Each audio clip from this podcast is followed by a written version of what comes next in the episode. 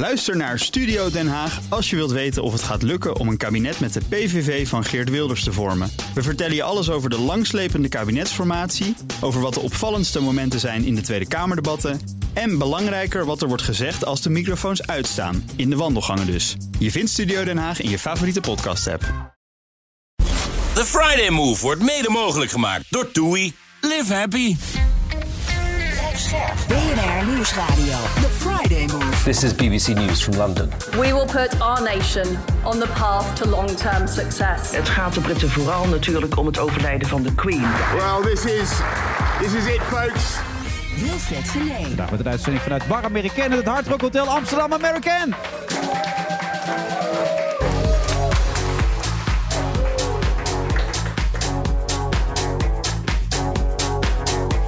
Toch opmerkelijk. Ik kom net binnenlopen. Er staat echt Hard Rock Hotel Amsterdam American. Is dat een grap of is dat serieus, uh, Roderick Velo? Uh, nee, dit is volgens mij altijd uh, zo geweest, ja. Oh, nou, dat is voor mij geheel nieuw. nou, ook weer wat geleerd natuurlijk allemaal. Hartstikke leuke live-uitzending. Nou ja, bijna live dan van de Friday Move. Vandaag is het vrijdag 9 september. En mijn co-host heet vandaag uh, Roderick Velo. Journalist, columnist, televisiemaker, award-winning podcaster en auteur van het boek De Schijn Regeert. Hartelijk welkom, Roderick. Dankjewel. ben je gekomen om een mening te geven vandaag? Of zeg je, ik pas een beetje op het niet te gek en zo? Een beetje... Nou, ik heb wel geleerd de afgelopen jaren om gewoon wel je mening te geven. Maar die meningen van mij in die columns, daar wordt wel over nagedacht. Dus uh, dat is, er zit een hele dag nadenken zit daarbij. Oh, oké. Dus de meeste mensen denken er niet over na, die geven gewoon een mening. Maar jij denkt ja, erover na? Ja, ik denk erover na, precies. Nee, Oh, maar goed. We, we gaan zien. Hangt ook een beetje van de vraag af. Hm, maar waarom denk je er zo lang over na dan? Nou, ik denk volgens mij komt het een beetje ook om de kritiek weg te nemen. Want als je goed over, over een onderwerp nadenkt, dat is A, vind ik dat heel leuk. Omdat het, ehm, ja, niet over alle onderwerpen denk ik even lang na. Maar als ik een onderwerp gekozen heb voor een column, dan eh, kom ik vaak achter, ga ik ook dingen zoeken. Ehm, en dan kom je achter ehm, zaken waar je van je dacht van, nou nee, dat, dat, weet ik, dat, dat weet ik eigenlijk nog niet. En dan wordt het minder scherp soms, die, die, die column. Ja, dat is jammer. En dat is jammer. Ja, dat is niks eigenlijk. Nee, maar toch is het goed om erover na te denken. Want daarna kan er ook wel weer een scherpere mening Maar uitkomen. wat vind je van de mensen die gewoon schieten vanuit de heup de hele Ja, leuk. tijd? Prima. Dat vind je wel leuk? Ja, tuurlijk. Ja. Ja. Maar vaak ongefundeerd, niet gebaseerd op eventuele feiten. En, en, Ja, en en- rapporten worden zo van tafel geschoven. Ja, dat is waar, soort programma's zijn toch eigenlijk verschrikkelijk?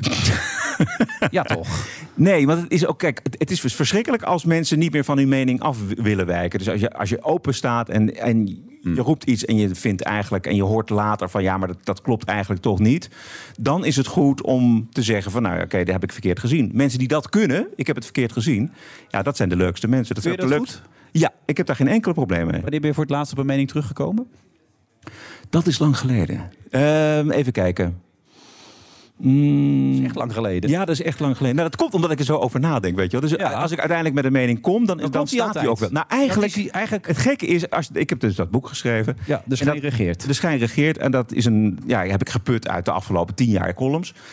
En dan denk je van nou, eh, je mag wel van mening veranderd zijn. Maar uiteindelijk, ja, klinkt een beetje arrogant, maar toch die- blijven ze staan. Ja. En dat betekent dat- Maar het is ook wel lekker. Ja, het is ook wel goed. Ja, Ja. dan ben je wel goed bezig geweest. Voor jezelf althans. Ja. Of het altijd klopt is een tweede. precies. En of je succesvol is, dat is ook maar een, eh, helemaal de vraag. Maar ik, ik vind het wanneer fijn. is er iets succesvol dan? Ja. Waar meet je dat dan af? Ehm, nou, als er bijvoorbeeld als, als er veel over gesproken wordt. Kijk, Nou, dat, dat vorige is, week had jij een column in de Telegraaf. Ja, en dat is wel een beetje de bedoeling van een columnist natuurlijk. Ja. Want als je column schrijft van enerzijds, anderzijds en iemand heeft het erover, ja, dan is het eigenlijk toch niet. Eh, dan bereik je je doel niet. Nee, maar zoals vorige week schreef je een column over Opjetten... dat je je verbaast over het feit dat wij als enige land in Europa... niet meedoen aan die speciale Gazprom-consortium... waar Ja. inmiddels niet Rusland meer in zit zoals het vroeger was. En dat wij de gemeentes gingen dwingen om het ergens anders te gaan halen, dat Ja. gas. Het heeft wel geholpen, die column. Ja, ik moet zeggen, ik heb er niet als enige over geschreven. Het was eh, wel veel in de media. Jullie hebben er aandacht aan besteed. Ja. Op een gegeven moment gingen er natuurlijk ook Kamerleden op een gegeven moment. Ja, dachten van, ja, wat is er hier aan En de die hand? Zeg? ook, die komt straks ook nog. Ja, Die- dat is heel die leuk. ook, ja. ja. Dus op een gegeven moment, als, en nu is de druk dus groot genoeg en nu ziet hij er vanaf. Dus dan heb, je wel, heb ik wel eer voor mijn werk, moet ik zeggen. Heb ik toch een klein beetje bijgedragen aan een gedachteverandering bij de minister van Energie. Ja, het boek heet De Schijn regeert. Het had ook De Middelmaat regeert kunnen heten, toch? Als je in Nederland kijkt. Ja, het is inderdaad wel eh, middelmatig. Maar dat komt ook door het kabinet. Dat kabinet is onder zo'n enorme hoge druk eh, tot stand gekomen. En zo ingewikkeld en met zoveel wantrouwen dat als het eenmaal geïnstalleerd is. En ja, we zien het gewoon nu iedere maand. eh, mensen vertrouwen elkaar niet. Er komt ook heel weinig uit de vingers. Vroeger, het eerste kabinet van Rutte, nee, het tweede kabinet, Rutte 2. Dat was met de Partij van de Arbeid. Dat was zo. Dat, dat vertrouwen was zo gigantisch tussen die twee partijen. Dat zij hebben. eh, ik geloof dat ze halverwege al eh, eh, alles hadden uitgevoerd wat in het regeerakkoord stond. Nou, dit is een kabinet wat precies het tegenovergestelde is. En dat heeft dit- te maken met dat vertrouwen. Wanneer valt dit kabinet al? Ja, dat kan ieder moment vallen. Ja? Ja. Voor de kerst is het weg? Nou, dat gaan we aan, Harry Bontebal vragen. Maar ehm, ik denk dat Als het. jij dat roept, weet je wel. Oké, ja, dat ga ik. ik ja, ik, ehm, het zou heel goed kunnen, want het. Nou, ik zie je, daar ga ik er toch weer over Ja, nadenken. dan heb je weer een dag nodig. En dat hebben wij niet. Want we zitten nu ja, we zitten Ja. semi-live in een uitzending. Dus ik ja. denk dat het eh, eh, voor het eind van het jaar. eh, kan het vallen? Nee, ik, ik twijfel omdat die partijen elkaar zo hard nodig hebben. Want na de verkiezingen is er niks meer. De, de, de VVD is gehalveerd, D66 is gehalveerd. Er is helemaal niets meer van het CDA over. Nee. Dus die, voor die partijen is het, het worst case scenario verkiezingen. Dus Maar- gaan ze het tot in lengte van jaren volhouden? Maar dat wordt dan zo'n relatie waarbij een man en een vrouw bij elkaar blijven. Omdat als ze het huis weg moeten doen, dan kunnen ze niet zelf allebei ergens wonen. En, en de, de kinderen en dat soort zaken. allemaal. Zo, zo'n zo'n huwelijk is het dan. Ik denk dat het al op die manier is. Ja. Ze gedogen elkaar al in het huis. Maar krijgt zo'n eh, huwelijk of regering dan iets voor elkaar nog de komende tijd? Eh, nee, ik denk het niet. Ik had van de week eh Marten Kruijf, oud-commissaris, oh, niet commissaris, eh, eh, commandant de strijdkrachten. En die zei ook, eigenlijk moeten ze het een beetje uitbesteden. Dat deed Lubbers destijds ook altijd. Die zette gewoon een aantal specialisten in de Kamer over een bepaald onderwerp. Die zei, zoek het uit, kom met een goede oplossing. En dan gaan we kijken of we dat kunnen gaan uitvoeren. Dit kabinet zelf is niet capabel, lijkt het, om dingen uit te kunnen voeren. Is Rob Jetten capabel? Hoe vind jij Rob Jetten bijvoorbeeld? Nee, ik ben het totaal niet capabel. Noem eens een niet. aantal capabele mensen in dit kabinet. Nou, er zijn wel, kijk, ehm Wopke Hoekstra is capabel, maar die, Oh, ja? zit, op, maar die zit op het verkeerde eh, departement. Ja. Die heeft het eh, op financiën prima gedaan, maar die zit nu op buitenlandse zaken. Eh, andersom met eh Sigrid Kaag, Ja. die zat prima op buitenlandse zaken. Dat is een, een vrouw voor, voor buitenlandse zaken, gezien haar achtergrond. Maar Ja. die zit nu op financiën waar ze niks van weet. En dat doet ze omdat ze natuurlijk door wil schuiven uiteindelijk, toch? Ja, ik doen. denk dat, dat dat soort zaken wel meespelen. En ik denk dat zij heel graag in Den Haag had willen blijven. Kijk, als minister van Buitenlandse Zaken ben je natuurlijk veel weg.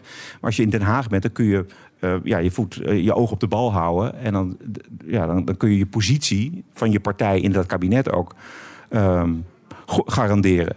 Maar eh, als je kijkt naar Remkes bijvoorbeeld, weet je wel, d- dat is iemand die van buiten gehaald is, wat jij zegt. En die moet nu de problemen oplossen waar eh, het kabinet eh, niet aan toe komt. Ja, Ja. Dat maakt toch ook geen sterke indruk?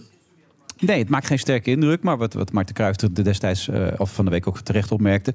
Mensen die er echt verstand van hebben. Die, er echt verstand van hebben. Ik bedoel, het feit dat onze minister van Landbouw heeft gezegd... sorry, maar de negen maanden, ik ben niet tot Ja, de juiste man ja, op de dit is juiste een goed plaats. voorbeeld, ja. Geeft natuurlijk gelijk aan dat de mensen er geen verstand van hebben. Dus dan kun je toch moeilijk mensen die er geen verstand van hebben... deze zaken laten oplossen. Want ook dat energieprobleem, en daar gaan we het zeker met eh, Henry Bontebal nog over hebben. We hebben Rob Jetten, die volgens mij van toeten nog blazen weet. Die, die kon bij stikstof en CO2 niet eens het verschil uit elkaar houden. Nee, precies. En die is, je weet ook precies hoe dat gegaan is. Want Rob Jetten is natuurlijk gepasseerd als eh, fractievoorzitter door Sigrid Kaag. Die, die kreeg een ministerspost. Nou, iedereen dacht van eh, D66 weet alles van klimaat. Dus we gaan hem op klimaat zetten. Ja. oké, energie erbij, maar goed. eh, we zien wel. En toen kwam opeens die eigen energiecrisis. thermostaat werkt. Dat durf ik te weten als hij thuis. Dat, is, dat schat ik hem mooi in. Ja. Ja, ja. Overigens, de, de, de grap dat hij niet weet dat je brood niet op 120 graden moet bakken, dat was niet van hem. Dat Nee, kwam- dat begreep ik ook. Ja, dat, wordt overal verspreid, Ja. maar dat kwam niet van hem. Maar Jette, Jette is de- een beste man. Maar eh, ja, ik, hij geeft mij niet de indruk dat hij eh, capabel is om deze enorme energiecrisis die eraan komt, om die eh, goed te managen. En waar baseer je op dat het een beste man is dan? Ja, gaat toch een beetje uit van het goede van de band. Oké, dat is gewoon Geen een slechte opzet. basisgevoel dat je bij iedereen als voordeel Nou, niet iedereen, maar ik begin daarmee. Bij wie niet dan? Ja, dat, dat, misschien komt hij nog langs. Dat weet ik Ja? niet. Denk er even over na. Ja. Oh, wat een denkuitzending dit. Oi, oi, oi. Nou goed, gaan we dat zeker doen. De schijn regeert, Roderick Velo. En we horen hem nog veel in deze uitzending. Hij is mijn co-host tot half zeven.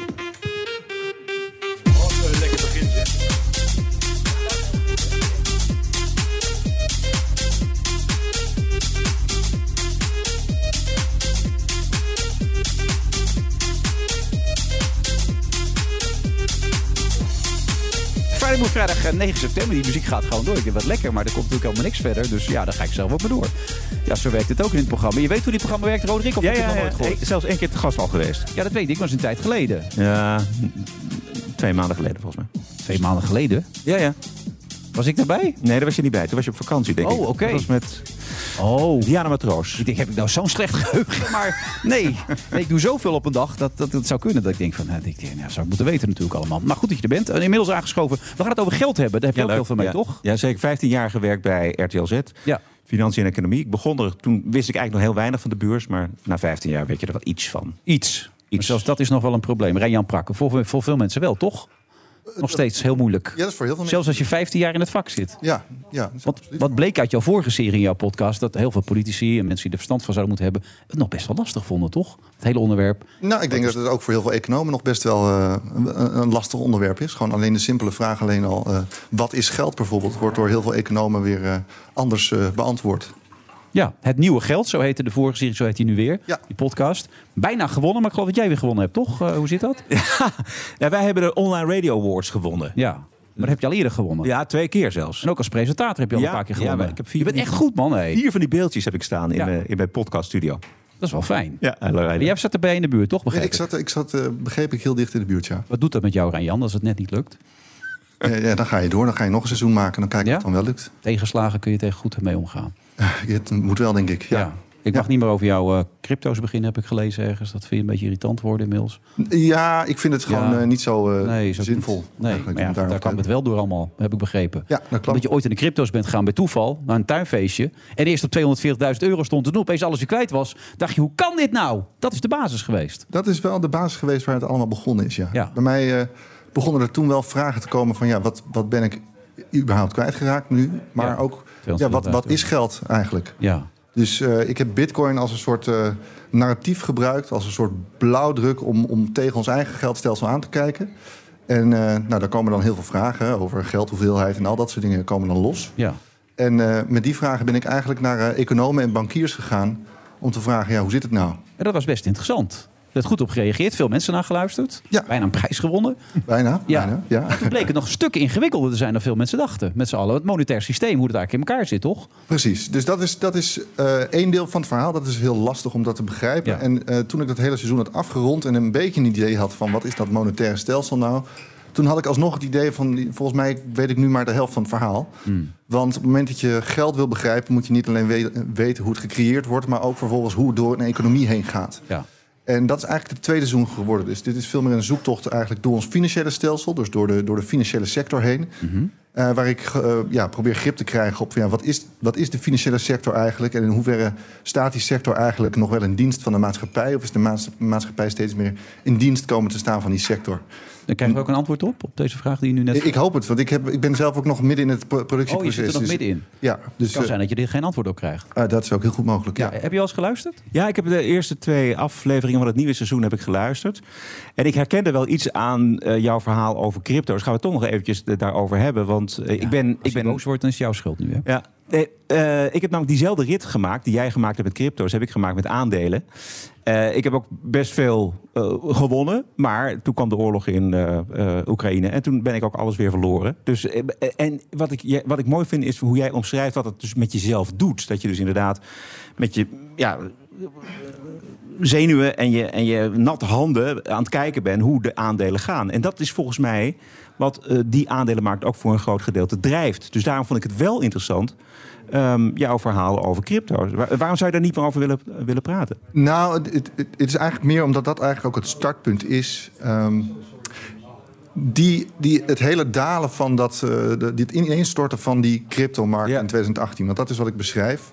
Dat heeft bij mij eh, ervoor gezorgd dat ik gewoon letterlijk op, op een moment met trillende handjes ergens zit te twijfelen van moet ik het nou verkopen of niet en Ja, wat maar dan ook. zo zit er iedereen. Ehm, en dat is wat ik ermee probeer te zeggen. Ik vind dat uiteindelijk eh, een hele onwenselijke ontwikkeling als dat eh maatschappijbreed zeg maar, eh, plaatsvindt. Dus ik vind dat is wat ik er. Maar het maakt het ook persoonlijk, wat je ook bedoelt. En je hebt ook je ouders ingebracht in de vorige serie, Ja. toch? Met schulden die ze hadden gemaakt. Dus Zeker, Je ja. probeert het ook heel persoonlijk te houden. Ja, wat ik, wat ik probeer te doen, omdat ik dus geen econoom ben, probeer ik eigenlijk al die abstracte thema's vanuit een soort persoonlijke ingang erin te gaan. Dus inderdaad, als je het hebt over de schuldenberg, ben ik begonnen bij de schuldenproblemen die mijn ouders ooit gekend hebben en wat voor invloed dat op mij heeft ge- gehad.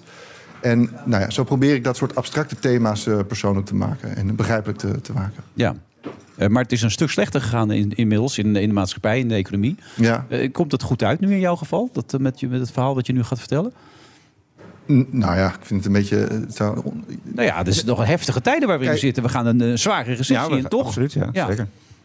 Ik denk, en dat hoop ik vooral, is dat hetgene wat ik aan het maken ben op een of andere manier ehm, heel veel, eh, wat, wat duiding kan geven bij de maatschappelijke processen die nu gaande Ja. zijn. En ik hoop dat dat voor heel veel mensen iets van houvast biedt. Hoe, hoe, ehm, hoe heftig die, eh, de, de, de werkelijkheid ook is. Op het moment dat je hem een beetje gaat begrijpen.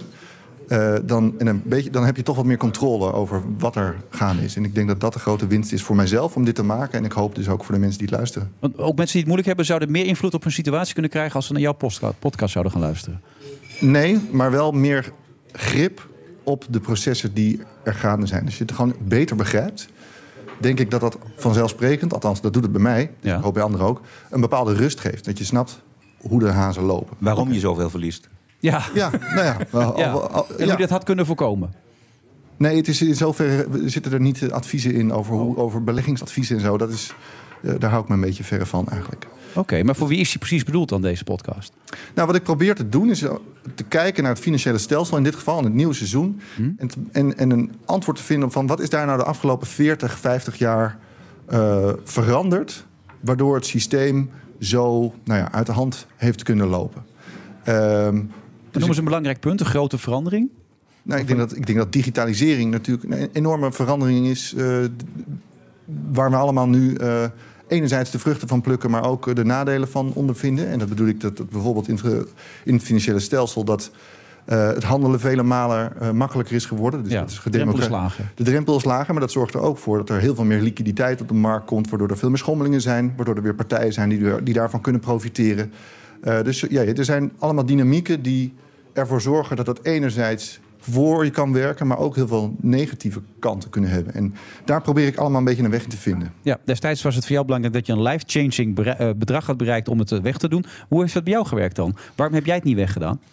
Nou, ik, ik ben op een gegeven moment weggegaan bij RTL Z. Toen had ik mijn handen vrij om wat te Ja. beleggen. Enorm zwart gat toen. Een zwart gat, precies. Dus, Ja. dus ga je naar de aandelenmarkt. En in mijn ehm, moeder overleed en ik had wat geld van haar huis. Dus ik had ook wat geld om te investeren. Dus ik, heb, eh, ik geloof dat ik iets van 50.000 euro aan aandelen gekocht heb. Nou, die, dat, dat is op een gegeven moment 100.000 euro geworden in die enorme hoos. Tot ehm, november 2021. Toen ging het langzaam naar beneden. En toen kreeg ik dus die, die natte handen en, en die zenuwen. Want je ziet steeds die aandelen eh, eh, beetje bij beetje naar beneden gaan. Totdat dan eh, de Russen Oekraïne binnenvallen en de boel helemaal onderuit gaat. En dan nog kun je, moet je bedenken van ja, wat ga ik het, hou ik het verlies op papier of ga ik ook mijn aandelen ga ik er helemaal uit? En toen had ik dus die winst van 50.000 had ik eh, weer helemaal verloren. En toen dacht ik, nou, dit is een. eh, nu ben ik break-even en nu ga ik er ook uit. En nu heb ik helemaal geen zin meer in. En ik heb genoeg geleerd. Ik ga nog zeker nog wel die eh, rest van de podcast beluisteren. Maar ehm, ik vond het wel een heftige rit, moet ik zeggen. Want je bent euforisch op het moment dat het dus omhoog gaat. En je wordt angstig op het moment dat het naar beneden gaat. En zo. Nou Nou, ja, dat is, dat is de menselijke emotie die, die bij iedereen speelt, volgens mij. En het, het legde in mijn geval ook echt een, echt een beetje beslag op mijn, op, mijn, op mijn vrije tijd en op mijn werk. En ik was daar echt heel erg mee bezig. Dus ik, ik- ja. Ja, En, afschuwelijk. en als je dan nu ziet dat er zoveel eh finfluencers zijn... en dat er een kwart van de jongeren in de crypto zit... en, en dat er dus nou ja, maatschappijbreed zoveel mensen eigenlijk... zoveel energie stoppen in die financiële markten... dat is wel iets wat mij, eh, wat mij zorgen baart... en ook wel een, wat een motor is voor mij om, nou ja, om deze zoektocht aan te willen gaan... en te kijken, ja, hoe is dat nou zo gekomen? Een vraagje. Wat, eh, ik hoor in jouw podcast dat die wordt gesponsord door een cryptobedrijf. Ja, klopt. Het voelt een beetje vreemd. Ja. Waarom, waarom voelt het vreemd? Nou ja, enerzijds, eh, ik dacht van waar, wat, wat is het belang van eh, dat cryptobedrijf om jouw podcast te sponsoren? Nou, kijk, ik, kijk, de allereerste zoektocht die begint bij, het, bij die investering in crypto. En het feit dat ik in, dat, in, in die bitcoin, want daar gaat het dan om, eh, iets zie waarvan ik denk van... hé, hey, maar dit zou op heel veel manieren ook een soort fundament van een beter of werkend systeem Maar kunnen wil je zijn. daar naartoe werken in je podcast? Ik wil nergens naartoe werken. Ik wil een antwoord vinden op of dat ook daadwerkelijk het geval is. En dat is wat ik in het eerste seizoen heb gedaan. En dan kom ik ergens eh, in het midden uit. Ik denk, nou ja, als, het, als, je, als je met z'n allen in, in, met z'n allen eh, alleen maar bitcoin gaat gebruiken, dat het totaal niet eh, goed is voor een samenleving. Maar ik denk wel dat bitcoin een, een nut heeft en dat het waarde heeft. En dat is puur het monetaire deel. En ook dus voor de bitcoin eh, ben ik op zoek naar dat, meer dat de, de financiële, het financiële stelsel wat daar ook achter zit.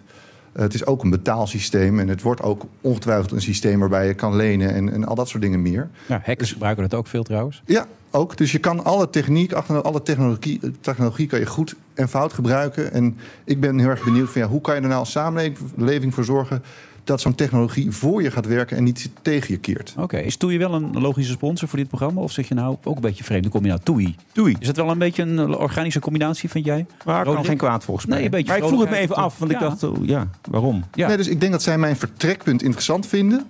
En eh, dat dat een reden voor ze is om, om, om het aan te durven. Maar het is, het is een gok voor hun ook, want zij weten ook niet waar ik uitkom. Dat wisten ze niet bij het eerste seizoen, weten ze ook niet bij het tweede seizoen. En dat is wel wat ik, waarom ik Gaat het financiële stelsel aanzienlijk veranderen de komende jaren nog, denk jij? Als je nu een beetje onderweg bent? Ik denk wel dat het, dat het enorm aan het veranderen is, al sinds de crisis. eh, maar dat er grotere veranderingen aan zitten komen. Maar uiteindelijk heb ik ook geen glazen bol. Dus is meer een gevoel. eh, Heb je een idee? Noem eens een voorbeeld waarvan je denkt dat het gaat echt veranderen. Nou, ik kan me best voorstellen dat in de komende twintig jaar de, de centrale rol die, die banken nu hebben in het systeem, dat die, die staat nu al onder druk, maar dat Ja. die nog verder onder druk komt te staan. En dat je best toe kan gaan naar een systeem waar banken niet of een veel minder grote rol hebben. Oké, en je gaat het wel weer heel persoonlijk maken. Ook eh, Zeker. familieleden komen weer voorbij. En, eh, Eh, ook vader en moeder komen in, in beginsel even voorbij, dat klopt zeker. Vind je het zelf ook leuk dat ze erin zitten? Eh, ze zijn trots. Ze zijn trots. Ja, want Ja. het gaat nu vaker niet over jouw kinderen, maar over de podcast, begrijp ik. En met jouw vader. Als je elkaar ziet, toch? Nou, we hebben een- wel Ja. een soort gemene deler gevonden, ja. Ja, absoluut. Ja, heb je eigenlijk wat te bespreken? Of, ja, dat is toch ook lekker. lekker, toch? Ja. maar het nieuwe geld is wel de moeite waard. Ik denk, wat, ook, we hadden het net over middelmaat regeert. Politici zouden er beter ook naar kunnen gaan luisteren als ik het zo hoor. Ja, ik denk dat er, dat er één politicus is in de Tweede Kamer die er echt heel veel verstand van heeft. Eh, maar hier Alkaya, die, die zit er bovenop. Die wordt ook door alle economen wel genoemd als, als degene die, eh, die, die het bankaire systeem in ieder geval goed in de vingers heeft. En Ja. de rest eh, mag misschien nog wel even wat bijles Dat krijgen. zeg je heel voorzichtig. Die kunnen er gewoon geen kloten van. Dat durf ik niet te zeggen, want ik heb ze niet gesproken. Oké, nee, maar dan neem ik die voor mijn rekening. Ach, het hoort een beetje bij het programma. Een beetje polariseren. Vind je ook leuk, hè, polariseren? jij, jij denkt er altijd een dag over na, dus dat werkt bij jou niet natuurlijk. Eh Rijnjan Prakke, veel succes met de podcast. dankjewel. Het nieuwe geld, overal te beluisteren, toch? Gewoon. Overal, overal. Ja, Nou, succes ermee. Dankjewel. The Friday Ook Harm Edens vind je in de BNR-app. Je kunt BNR Duurzaam niet alleen live luisteren in de app, maar ook terugluisteren als podcast, zoals al onze podcasts. En naast dat de BNR-app Breaking News meldt, houden we je ook op de hoogte van het laatste zakelijke nieuws. Download nu de gratis BNR-app en blijf scherp. Friday Move wordt mede mogelijk gemaakt door TUI. Live happy. Scherp. BNR Nieuwsradio. The Friday Move. I'm honoured to take my place as Prime Minister in this House. I want to reassure you that if we remain united and resolute, then we will overcome it. Ja, Jan de Hoop is gestopt met RTL Ochtendnieuws. Dat kan eigenlijk niemand overnemen. Maar Robbie kan maar, je gaat het proberen.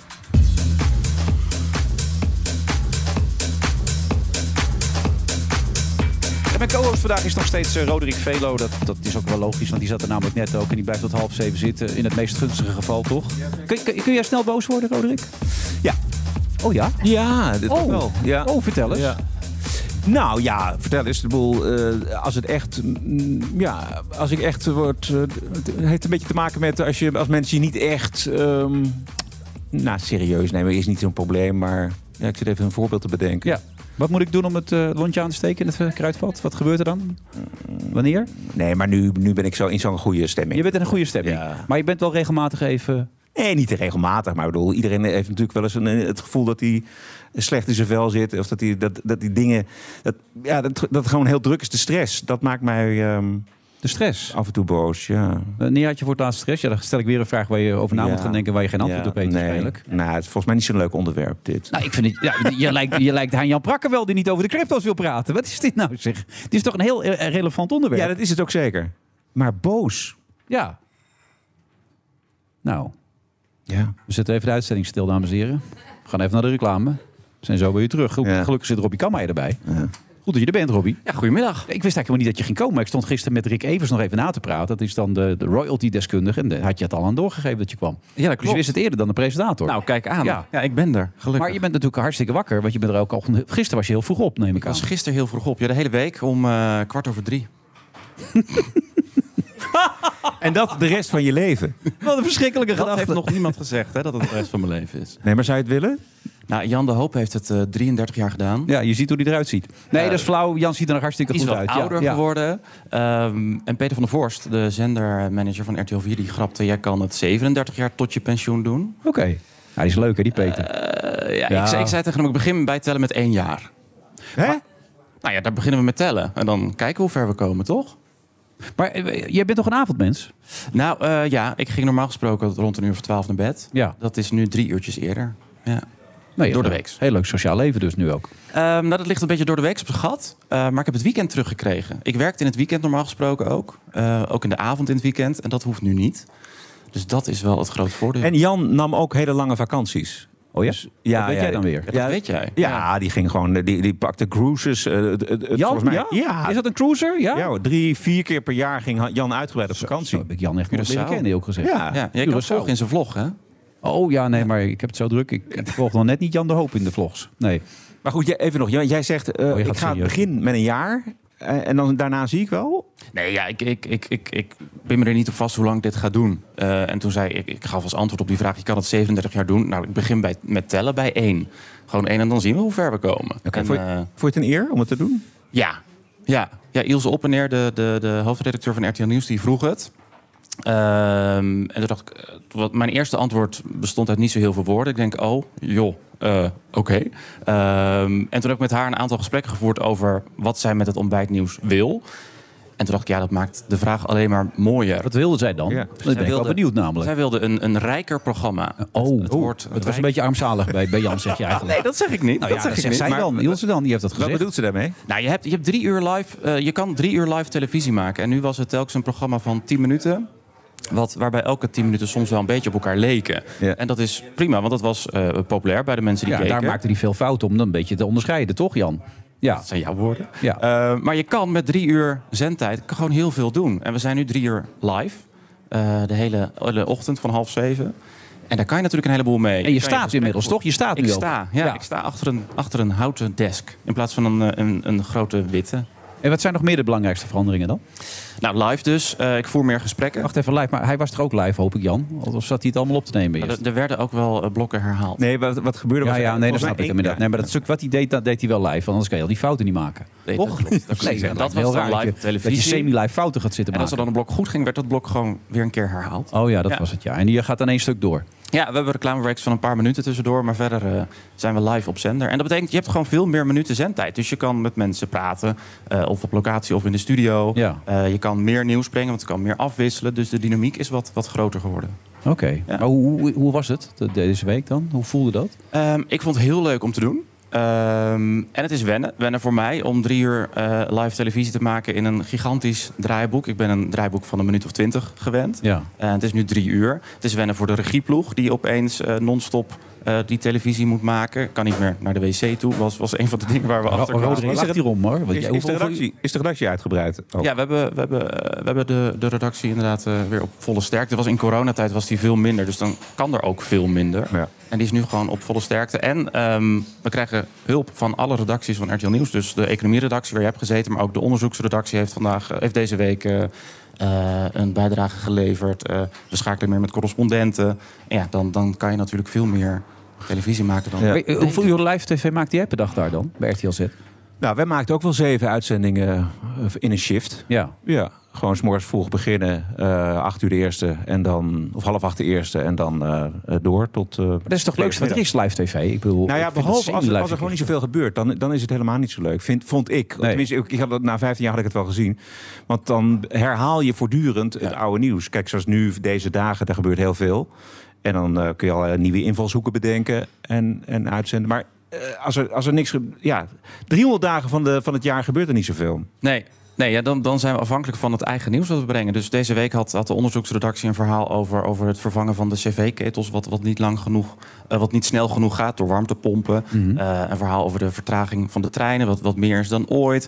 We hebben eh, met Jeroen Akkermans, die zit in Oekraïne, onze correspondent, teruggeblikt op zijn maand dat hij door Oekraïne reisde. En daar is dan tijd en gelegenheid voor. Ja, wat kun je er zelf aan toevoegen eigenlijk? Ja, dat ben ik zo benieuwd naar. Nou. Ja, omdat, omdat Jan natuurlijk een hele ja, sprekende persoonlijkheid Ja, mooie trui aan. En mooie trui en Ja, grapjes. Passende mok erbij. Ja. Goed, ja. Maar wat, wat, wat kun jij eraan toevoegen? Goeie vraag, goeie vraag. Nou, ik, ik, ik denk dat, dat, dat eh, wat ik meeneem is dat ik de afgelopen zes jaar bij Editie NL heb gepresenteerd. Ja. En Editie NL is ook een nieuwsprogramma op RTL 4. Oh ja. Maar net iets anders dan het RTL Nieuws. Dus eh, het zit niet in pak, niet met die stropdas. Eh, je, je kan een net iets eh lossere toon aanslaan en net een kwinkslag bij het nieuws zoeken. Een bepaalde invalshoek bij het nieuws bedenken en die behandelen. En ja, dat kan in die drie uur ochtend ook. Dus eh, als wij 's ochtends, of eigenlijk midden in de nacht, eh, vergaderen, dan, eh, dan kan ik misschien ook wel die ene vraag bij het nieuws stellen. Van, ik denk, moeten we daar niet iets mee en daar nog een spreker bij zoeken? Eh, om daar juist. Oh, je mag dus ook wel iets inbrengen, zeg maar. Je, Ja. je bent niet gewoon een pratende pop. Daar komt Nee, het niet op neer. niet. Nee. Dat is wel heel fijn. Ja. Dat is heel bijzonder. Wat maakt dat voor jou zo leuk dan, toen je het nog wel deed? Wat vond jij het leukste eraan? Nou, inderdaad, als er wat gebeurt. En, en de gesprekken. Kijk, bij RTL Z werd helemaal niks gescript. We hadden gewoon onderwerpen. En Ja. dan, ja, dat was het, leukste. Dat vond ik het leukste. En dan, eh, ja, zeker als er wat gebeurt, dan. Kijk, de, de lijnen waren heel kort bij RTL Z. Dus wij hadden altijd die zendtijd. Ehm, en we, we, we mochten in principe alles maken. En we waren, dat was de lol. Wij waren vaak, als we bij crisis, waren wij eerder dan de NOS. Dat is natuurlijk altijd de kick. Mhm. Omdat de NOS heel veel vergaderlagen heeft. Dat moet allemaal besluiten. Die zender moet ook vrij. precies, die zender moet vrijkomen. En wij hadden een zender. We hebben nog steeds een zender. Wij spreken, maar goed, RTL Z had een zender. Heeft een zender. En die, eh, ja, dus we waren altijd beschikbaar. Dus, dus als er wat gebeurde, koningin overlijdt, wat dan ook, meteen door. En de bekendheid die erbij hoorde, hoe vond je dat? Nou, volgens mij kijken er niet zoveel mensen naar eh, RTL Z. Als je 15 jaar RTL Z doet, dan kent iedereen je hoor. Dat is eh, geen probleem. Nou, dan wordt er vooral gevraagd hoe, hoe het met de beurs staat. Eh, dus Als je buiten. stond. Nee, nee, nee. nee. Als ik eh, in, een, in een kroeg stond ergens, dan eh, kwamen mensen wel naar mij toe en zeiden... eh, Ja, wat en, kopen? En de beurs kopen. Ja. Ja. Nou. En hoe belangrijk is het voor jou om herkend te worden? Al belangrijk. Belangrijk. Nou, belangrijk vind ik het niet. Nee? Eh, ik ben benieuwd of het nu verandert, maar ik ben er niet mee bezig. Nee. Maar waarom ben je op tv gegaan dan? Waarom ben ik op tv gegaan? Omdat ik het eh, eh, te gek vind om het, om het laatste stukje van die hele organisatie te zijn. Om, eh, Het uithangbord. nou, je noemt het het uithangbord, maar bijvoorbeeld eh, een, een grote uitzending Start van de Oorlog bijvoorbeeld. Dan, dan merk je een half jaar geleden, deed ik toen eh, het half acht nieuws. Hoe al die radars, al die mensen keihard werken, het snot voor de ogen werken. En dan, dan heb ik een soort van ja, die verantwoordelijkheid op mijn schouders om dan dat, die 20 minuten of die 25 minuten niet te verpesten. En dat geeft een kick. Dat, dat geeft zeker een kick. Ja, dat vind ik echt het leuke aan het vak. Ja. Ja. En dat vroeg opstaan gaat tot nu toe. Ik heb namelijk een ochtendshow gedaan anderhalf jaar. Ja, inderdaad, Veronica. Stond heb je nog een over, goede tip? kwart over vijf op. Ja, daarmee Ik heb stoppen. één week gehad. Ja. ik durf nu nog geen conclusies te trekken na één week. Het is echt heftig. En als ik dan hoor half... Hoe laat zei je half? Ja, kwart over drie sta ik op. Kwart over drie. Ja. Nou goed, je zegt dat het een heel mooi gevoel geeft. En daar gaat het om. Ja. Probeer die kick zo lang mogelijk vast te houden. Probeer dat vast te houden. Ja. Ja. Nou, Robbie Kammeijer, succes. Dankjewel. Ja, benieuwd hoe je er volgend jaar uitziet. Ja, dan kom ik gewoon weer en dan Ja. wallen. Oké, dankjewel.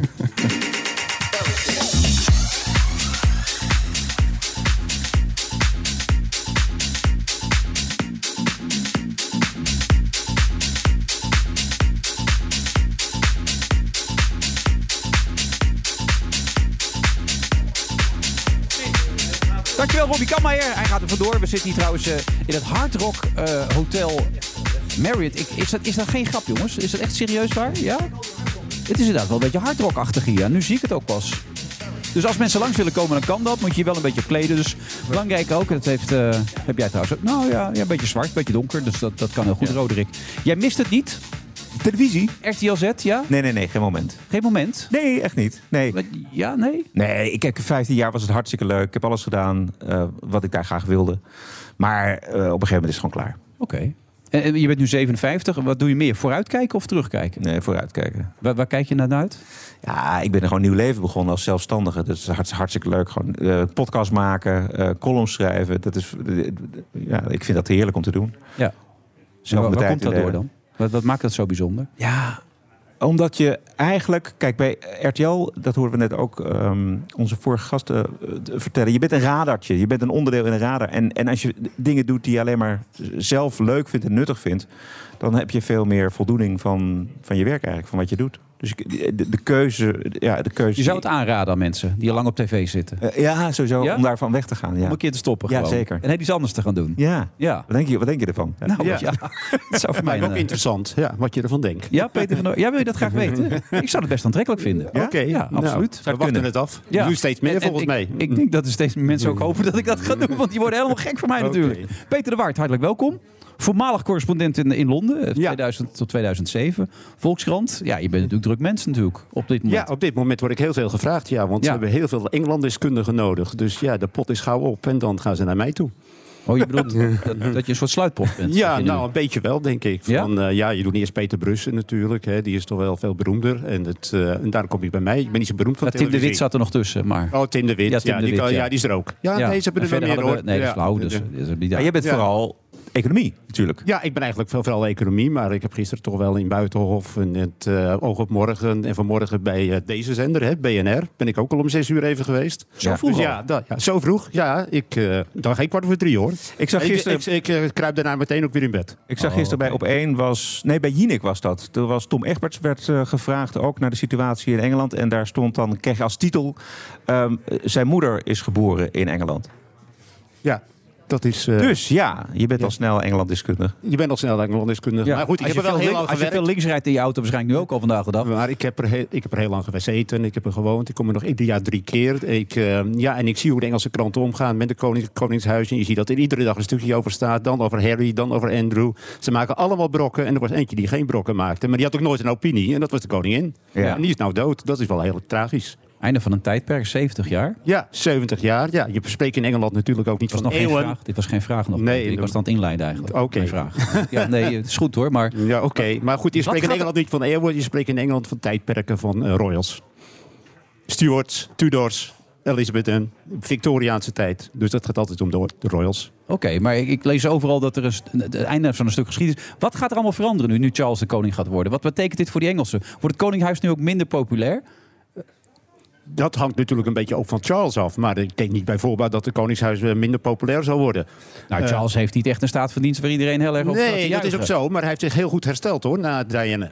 Dus het, eh, dat heeft hij zeker eh, gedaan. En het, eh, op dit moment heeft hij een populariteit. En zelfs eh, Camilla is vrij populair. Maar hij kan alles natuurlijk verknallen. Of zijn, zijn probleem is natuurlijk dat hij wel sterke opinies heeft. Hij heeft opinies over architectuur, over landbouw, over eh, duurzaamheid. Ja. En dat heeft de vorige koningin, of de, de vorige vorst, natuurlijk nooit gehad. Nee. Die had helemaal geen opinies. Die stelde hoogstens een vraag. Niemand wist wat ze dacht. Ze heeft nooit tegen een premier gezegd van... eh, nou, daar ben ik het helemaal niet mee eens. Hoogstens zei ze van... eh, nou ja, weet u wel wat de gevolgen zijn of zo. Dat was een beetje understatement, hè, wat ze deed. Maar ze heeft nooit iets gezegd. We weten echt niet wat ze denkt. Maar het, het Koningshuis, heb ik altijd begrepen, is toch een beetje een bindende factor in de samenleving. zien we hier in Nederland ook. Als je nou iemand als Charles op de troon hebt, die met hele eh fikse meningen eh, die maatschappij wel eens kan gaan polariseren, verwacht jij dat? Ja, dat kan natuurlijk het geval zijn. Het is natuurlijk niet alleen het Koningshuis van Engeland. Hè. Het is het Koningshuis van de wereld. Eigenlijk, de Amerikanen kennen maar één Koningshuis. Dat is het Britse Koningshuis. Het is ook nog koningin van... eh, of de, Charles is ook koning. Wordt hij van Canada, van Australië. Van al die speldenprikken in de Caribbean. Dus hij heeft toch een heel rijk. En dat moet hij ook allemaal te vriend houden. Dat wordt best wel moeilijk. Kan hij dat? Ja, dat moeten we afwachten natuurlijk. Dat Maar wat weten denk we jij? niet. Want jij kent hem. Ja, ik ken hem wel. Ik Ja, heb hem een paar keer. Ja, ja, en ik, eh, nou ja, hij doet dus. ik, eh, ten eerste is het natuurlijk. Hij is al 73, hè, dus hij zal het niet zo verschrikkelijk lang doen. Ik Nee. denk dat hij wel de Koningshuis een beetje zal moderniseren.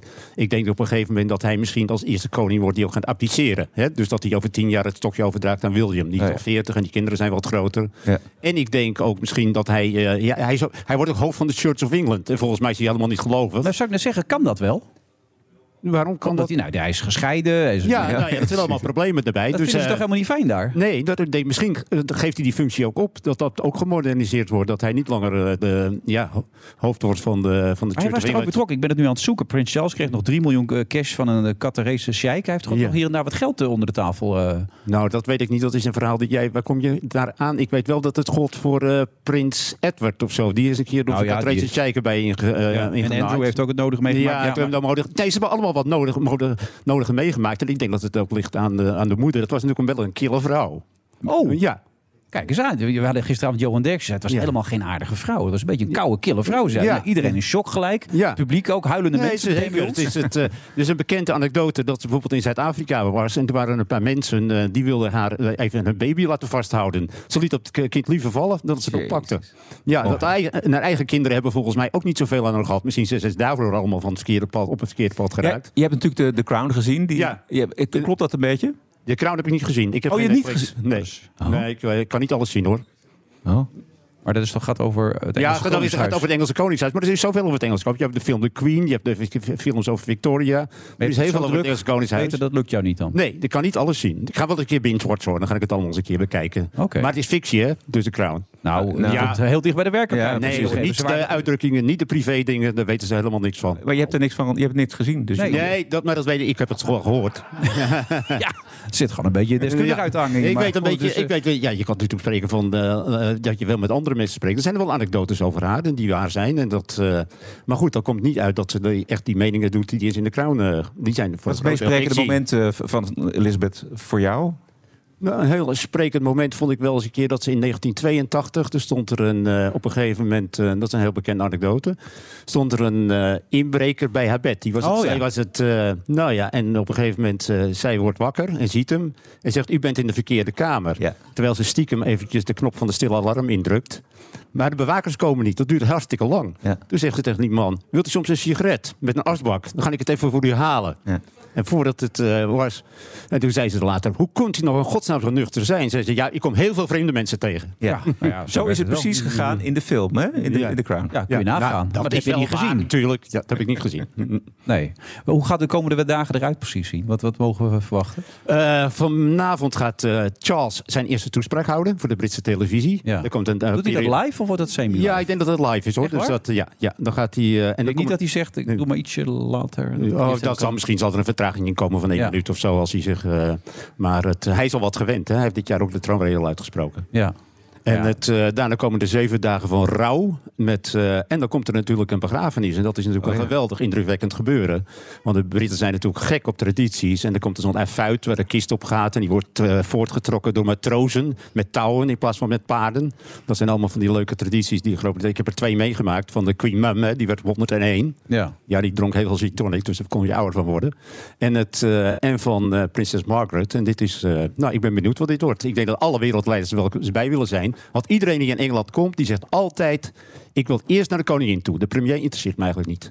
Oké. Mis je het wel eens?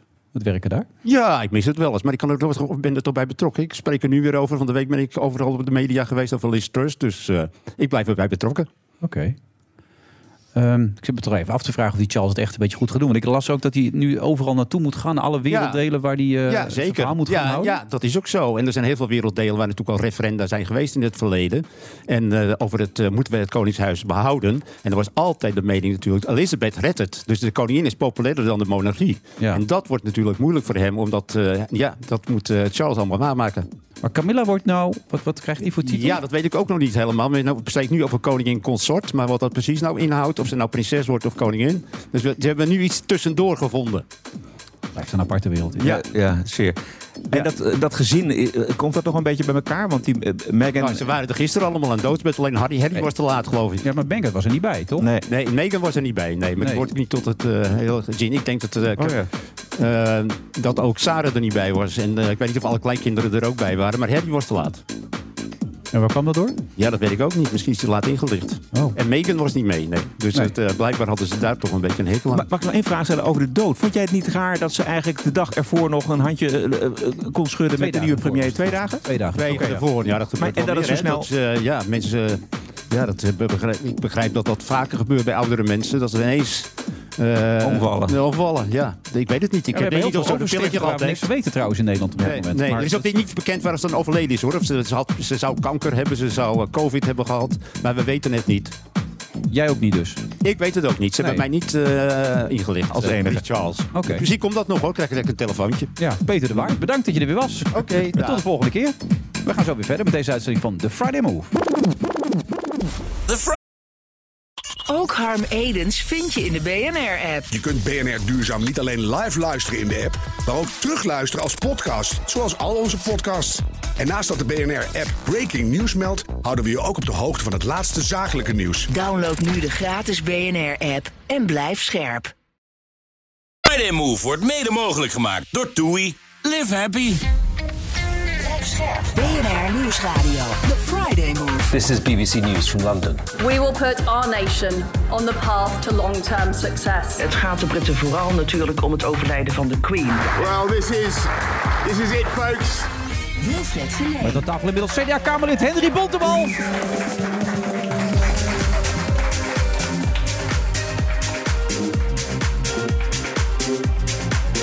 Op vrijdag eh, 9 september. Mijn co-host is eh, Roderick Velo. Die, eh, ben je al even nadenken geweest over het boos zijn? Of weet je dat ook niet meer wanneer het was? Ja, het is nog zo lang geleden. Ik ben eigenlijk alleen maar een goed humeur. Ongelooflijk. Maak je wel eens boos op het CDA? Eh, nou, dat doen ze eigenlijk... eh, ja, En toen Bob Koekstra laatst zei met dat hele verhaal van 2035...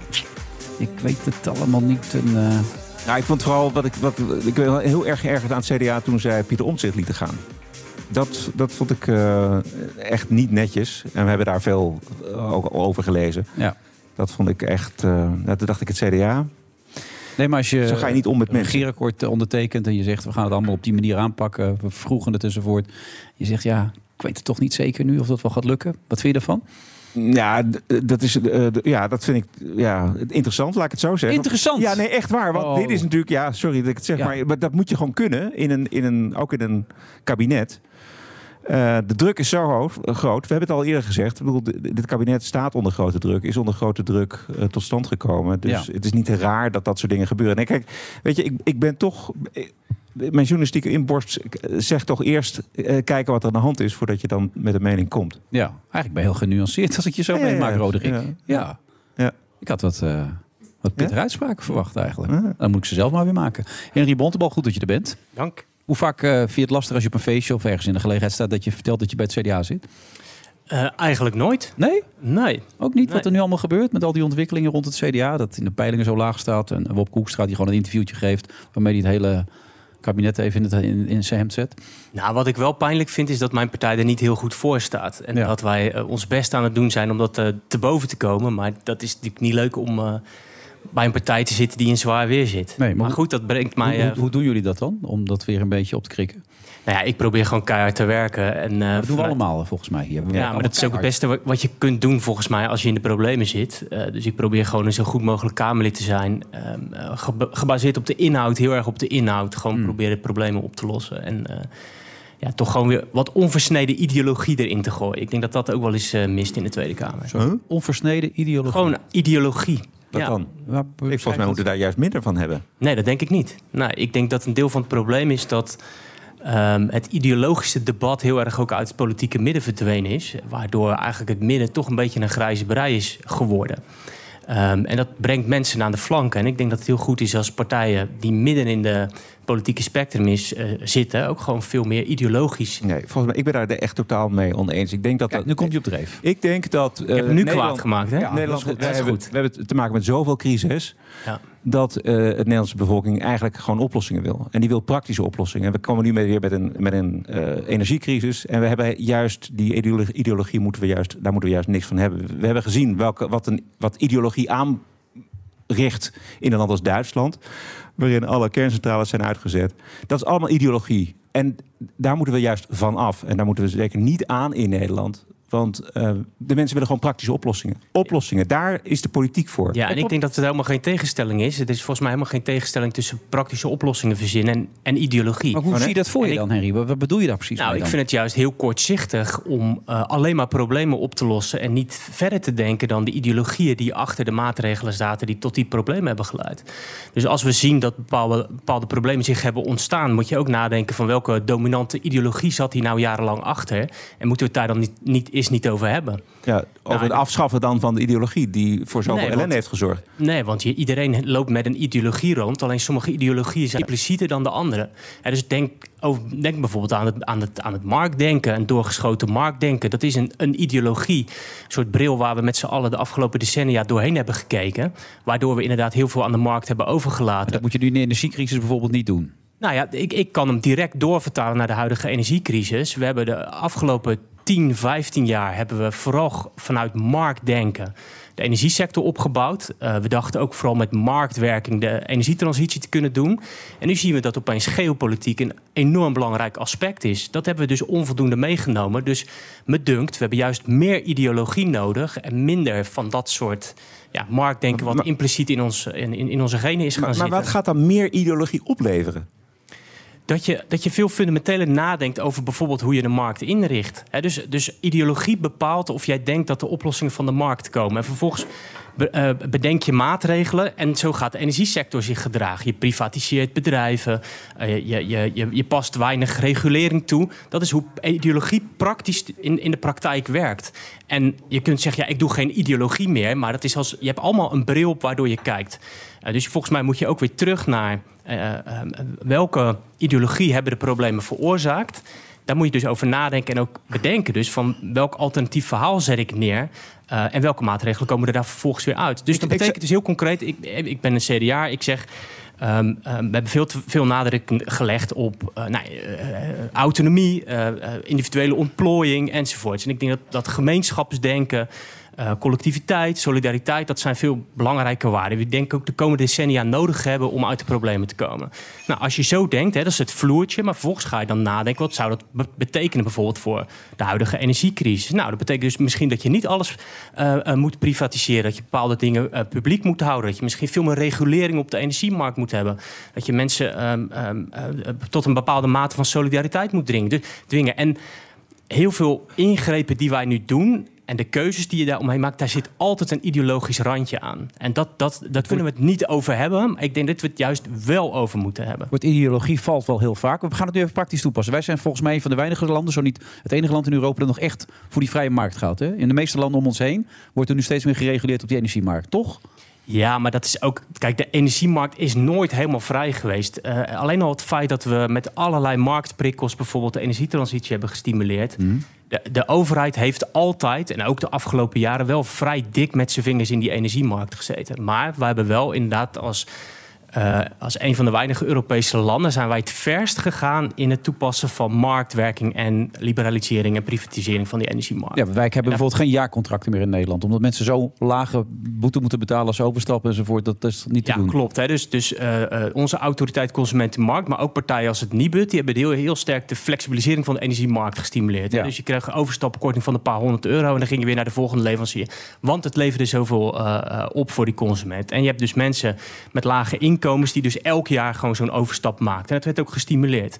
Nou, dezelfde groep huishoudens is nu de pineut. Ja, want die, Vattenval eh, kan gewoon weer zo omhoog gaan de afgelopen ja, maar er zijn ook mensen dus die dus inderdaad overstappen naar die nieuwe contracten. Of eh, altijd bij een energieleverancier hebben gezeten die al op het randje van eh, nou ja, wat net en wel niet kan functioneren. Die vallen nu om. En vervolgens moeten ze gedwongen overstappen naar een energieleverancier die een torenhoge prijs vraagt. Dus ook dat stuk, dat, dat steeds maar stimuleren van die, van die flexibilisering van de energiemarkt, ja, dat kunnen we met elkaar eh, eh, terugdraaien. Daar zit ook een soort marktgeloof in, namelijk dat dat tot het meeste efficiëntie leidt. En het blijkt gewoon te zijn dat dat niet zo is. De afgelopen tien jaar hebben we echt ook geprofiteerd van die marktwerking. Dus wij hadden in Nederland daadwerkelijk hele lage energieprijzen, ook eh, internationaal. Hè. Dus dan haal ik even alle belastingen eraf, maar de echte kale marktprijzen waren laag.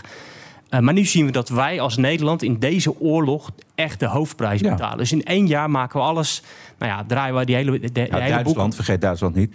Nee, Duitsland heeft natuurlijk ongeveer hetzelfde probleem. eh, Maar bij wij. Frankrijk scheelt dat een heel stuk. Als ik nu naar Frankrijk Ja, kijk maar dat wordt natuurlijk, wij worden heel vaak met Frankrijk vergeleken. Maar dat is dus ook het, het, interessante. Die markten zijn totaal onvergelijkbaar. Dus er wordt wel gezegd, ja, maar je moet de prijs reguleren. Hè? Dat, en dat gaan we in Nederland ook doen. Ja, even, in Frankrijk heb je de facto één grote energieleverancier. Dat is EDF. Die beheert die, eh, die be- beheert die 56 kernreactoren en nog een klein beetje wat andere dingen. Maar voornamelijk k- kerncentrales. Ehm, en dat is een, een, een staatsdeelneming. Hè? Dus dat is de, aandeelhouder, de aandeelhouder is daar de Franse staat. Dus ja, Een prijsregulering daar is gewoon simpel. De aandeelhouder die tegen EDF zegt, joh, reken even een lage prijs. En dus dat is, dat is totaal anders in Nederland. In Nederland hebben we tientallen leveranciers en kan je deze truc dus nooit uithalen. Kunnen de Fransen de, de kernenergie eerst voor zichzelf houden en daarna pas exporteren? Nee, zo werkt dat niet. Nee, we zijn echt een hele verknoopte energiemarkt. Ehm, en in de media en in, in debatten zijn er allerlei beelden over die, die markt die zelden kloppen. hè. Dus alleen al bijvoorbeeld het idee dat wij ehm, vloeibaar aardgas halen in Nederland en dat dat voor onszelf is, Ja. dat is niet voor onszelf. Dat gaat heel Europa door. Dus die schepen die wij nu neerleggen in de Eemshaven om vloeibaar aardgas naar Nederland te halen, dat aardgas is ook gecontracteerd in Tsjechië en in Duitsland enzovoort. Datzelfde geldt natuurlijk ook voor het aardgas in Zeebrugge en Duitsland enzovoort. Dat is ook een beetje mijn punt. Die, die hele energiemarkt is zo verknoopt aan elkaar dat wat het ene lidstaat doet, heeft invloed op de andere. Daarom ben ik ook zo kwaad op landen als Duitsland en België, die hun kerncentrales eh, dichtgooien. Terwijl Nederland eh, en heel veel andere landen gewoon een enorme behoefte hebben aan, aan elektriciteit. Dat is, dat is dus niet, niet solidair. En hoe kijk je naar de rol van onze minister daarin, Rob Jetten? Hoe vind je dat hij functioneert? Nee, ik ga ervan uit dat hij, dat hij, dat hij enorm hard werkt. En Ja. hij is natuurlijk de. Maar de- doen we allemaal, zei ik net al. Ja. Nou, niet allemaal, maar. Nee, maar ehm, veel mensen doen dat. Ja. Ja, ja. Nee, maar kijk. Eh, Rob Jetten is natuurlijk de, de, de minister geworden om zeg maar, de grootste transitie voor elkaar te krijgen. Hè? Ja. Ook om de, de groenste Hij is minister. ook wel van- goed, een ervaren man met veel de, met achtergrond op dat gebied. Dat scheelt. Nou, hij had in ieder geval ambitie, laat ik het zo zeggen. Ehm, Oké. Ambitie is ook al heel belangrijk in deze. Maar nu, twee jaar later is hij natuurlijk in de, in de grootste energiecrisis ever gekomen, waar hij natuurlijk ook niet om had gevraagd. En nou moet hij natuurlijk eigenlijk van de minister die een totaal nieuw energiesysteem bouwt, moet hij een minister worden die gewoon de grootste energiecrisis. Kan die het?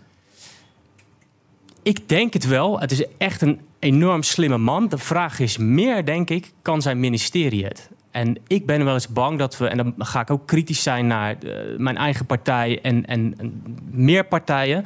Wij hebben de afgelopen jaren wel de overheid vrij uitgekleed. En nou staat diezelfde overheid, die staat voor de allergrootste transities. Niet, niet één, maar hè, de landbouw, eh, de energietransitie. En ik kan nog wel een paar crisissen noemen. Zeggen, als En die overheid Ja. hebben wij uitgekleed. En die overheid kan dus moeilijk die transitie bolwerken. En dus kom- komen we ook aan tegen ja, dat wij van die overheid dingen vragen die die overheid niet kan oplossen. Nee. En dat is ook het pijnlijke. Ja. Ehm, maar als, hij vanmiddag bijvoorbeeld niet bij dat overleg is, dat vind je logisch. Met al die energieministers. Ja, nou dat, ah, kijk, zijn verklaring is, is dat hij naar de ministerraad gaat. En bij de ministerraad staan natuurlijk weer stukken over het debat, vermoedelijk, over het debat wat donderdag gaat plaatsvinden over gasleveringszekerheid. Dus hij, heeft, hij komt met allerlei noodscenario's. En hoe gaan we grote bedrijven afschakelen als het echt paniek Maar in de je tent zegt is. dat je het eigenlijk in Europa met z'n allen moet je het nu goed eens gaan worden, toch? Dat is wat je net ook aangaf. Zeker, maar goed, we sturen natuurlijk iemand namens het kabinet. En Ja. Velbrief is ook geen domme man. Die weet ook wel hoe de hazen. Dus een minister wordt altijd gebriefd door ambtenaren. Dus, dus een kabinet spreekt natuurlijk via een minister. Dus mij maakt het in die zin minder uit wie daar zit. Ja, wat ik lees is dat alle Europese landen eigenlijk al een plan hebben. Die zijn al bezig. Eh, Nederland als enige tijdje. niet. Ja, die zijn al een tijdje bezig. Nederland als enige niet. Heeft het kabinet een plan? Het kabinet heeft onvoldoende een plan, vind ik. En daar hebben wij in het debat voor de zomer... als eh, verschillende fracties hebben, zijn daar heel kritisch op geweest. Ik heb zelfs, zelf steeds In gezegd... van- toch al was je al heel kritisch daarover? Ja, ik ben eigenlijk altijd al de tijd kritisch Ja. geweest. Maar Maar je bent de- van het CDA, toch? Die in het kabinet zit. Zeker, toch? Die? en wij Ja, zijn heel kritisch altijd, want wij controleren een kabinet, ook ons eigen kabinet. En, ehm, maar het debat over gasleveringszekerheid, is, dat was nou, een paar weken voor het reces. En toen is de hele Kamer wel, wel vrij kritisch geweest. Van ja, heb je nou scenario's klaar liggen voor de meest erge scenario's? En ik heb steeds gezegd van, kijk, Poetin schaakt slim. Ik ga, ik ga ervan uit dat die man ontzettend intelligent is. Dus Ja. ik wil dat het zwartste scenario, dat dat ook op tafel ligt en dat je dat uitwerkt. En ligt dat op tafel? Ons is beloofd dat het voor het eind van de zomer is een politiek antwoord, hè, nee, nee, nee, er komt een antwoord. Ons is beloofd dat, dat, dat die scenario's uitgewerkt zijn. Dus ik verwacht voor het debat van aanstaande donderdag... dat die scenario's naar de Kamer worden gestuurd. Dus dat moet tussen nu naar de ministerraad en dat debat eh, gebeuren. En als dat niet gebeurt? Ja, dan wordt hij heel kritisch aangepakt in dat debat. Maar ik ga ervan uit dat die plannen er liggen... want het is vrij duidelijk eh, gevraagd aan het kabinet. Hoe, hoe is je eigen gevoel erover? Maar over, over de andere landen, hè, want eh, de- het is heel lastig om al die landen te vergelijken. En er zijn ook landen die gewoon ook dingen doen die misschien niet heel intelligent zijn. Nee, dat Dus- weet ik wel. dus- Maar even, even Frankrijk nog als voorbeeld. Ja, Frankrijk. Maar, eh, de helft van de kernredactoren die waren eh, uit en die waren, eh, er werd Onderhoud, onderhoud ja. gepleegd. Klopt. Ehm, Macron heeft eigenlijk toen het misging, heeft hij gezegd: ik ga met de defensieraad om de tafel zitten en we gaan een plan bedenken. En nou ja, binnen enkele weken draaien alle kern. Eh, we moeten het nog weer. zien, hè? Nee, oké, maar goed. Ja. Dus dat is volgens mij praktisch handelen. En dat is... ehm, Ja, maar nou ga ik, dan ga ik even toch, toch in de verdediging. Ehm, een paar maanden geleden kwamen we ook in die crisisstand. En eh, nou, ik was een van degenen die bij NOS riep van die kolencentrales. Ja, het is even crisis, jongens. Dus misschien moeten ze iets harder draaien. Nou, dat was even vervelend. De coalitie was boos op mij dat ik dat zei. Maar een week later kondigde Jette aan... ja, jongens, het is crisistijd, eh, die, die cap gaat eraf. Toen konden we snel handelen. We hebben gezegd, we gaan heel snel ehm, eh, LNG importeren. Ja. Twee schepen. Die zijn gisteren, deze week zijn ze aangemeerd... waar we enorm veel vloeibaar aardgas kunnen importeren. Dat, dat is, dat is nou, 150 dagen ongeveer geregeld. Dus we kunnen in crisistijd echt wel een aantal grote dingen doen. En heeft Nederland ook echt wel gedaan. Het, het, hoe staan we er nu voor dan? gasverbruik in Nederland is gewoon 30% lager. Hè? Terwijl Hmm. in Spanje, want we kijken allemaal naar andere lid, is het 6% gestegen. Dus Nederland doet het echt niet super slecht. Maar Hoe Nederland, staan we er nu voor? Wat is je gevoel voor deze winter? Als we een hele strenge winter zouden krijgen. nou, de, gas, de gasopslagen zitten vol. eh, voor 80%, en 80%, dat blijft de komende tijd eh, eh, verder vollopen. En toch maak ik mij hele grote zorgen, omdat we onvoldoende zicht hebben op de economische effecten die we nog gaan zien. Dus we kunnen in de energierekening van huishoudens kunnen we dingen gaan compenseren. Maar er gaat natuurlijk straks ook bij het bedrijfsleven een enorme slag plaatsvinden. Dus bedrijven als Yara, die gewoon eh, productie terugschroeven, hè, is kunstmest. Maar ook Aldel, die maakt aluminium. Allemaal van dat soort grote intensieve bedrijven. Steenfabrieken, papierfabrieken. MKB'ers. Ik krijg zeggen. huilende bakkers aan de telefoon Nou ja, die gewoon zaken ja. hebben. En nou ja, ik, nou ja, mijn hele mailbox zit natuurlijk vol met... noem het allemaal ja, maar. Dus alles wat een beetje energie gebruikt, gaat daar heel veel last van krijgen. Die kunnen het nu nog wel even uitzingen. Die, die, die draaien op wat voorraden enzovoorts. Maar dat gaat na een paar maanden natuurlijk ook zichtbaar worden. En dat gaat allemaal keteneffecten in de economie hebben. Dus staal wordt duurder, aluminium wordt duurder, Ja. kunstmest wordt duurder. Ja, en ik denk dat, dat die keteneffecten gaan we natuurlijk pas over een paar maanden zien. En dat gaan we dus terugzien in de prijs van brood of beschikbaarheid van materialen. En massa ontslagen, want eh, Europa concurreert zichzelf natuurlijk volledig eh, uit de markt op deze manier. De, de, de gasprijs, de energieprijs in Europa is tien keer hoger dan die in de Verenigde Staten. Dus dat, dat levert... Ja, die bedrijven gaan... Ik zeg dat net, de inflatie gaat er alweer iets omlaag in Amerika. Daar waar wij dan nog steeds eh, gewoon eh, sky high hebben natuurlijk. Ja, maar dus de concurrentiepositie van Europa eh, verslechtert dramatisch. Ja, en, dat, en, en dat, daar kan je ook niet heel veel aan doen. Eh, omdat inderdaad eh, wij gewoon afhankelijk waren van dat eh, Russische gas. Nee, dat weet ik wel. Maar er, Dus- er staat dus heel veel te gebeuren. Zeker, Sociale ja. onrust, recessie, eh, m- misschien erger. En je verwacht van een kabinet dat die niet wacht tot Prinsjesdag... maar dat ze gewoon al veel eerder met een plan komen. Desnoods met drie scenario's. Maar in ieder geval dat er plan van aanpak is... en dat het kabinet... ja, klinkt een beetje raar, maar misschien zin heeft om, om deze crisis goed aan te pakken. Die indruk heb ik niet en volgens mij een hoop mensen in dit land ook niet.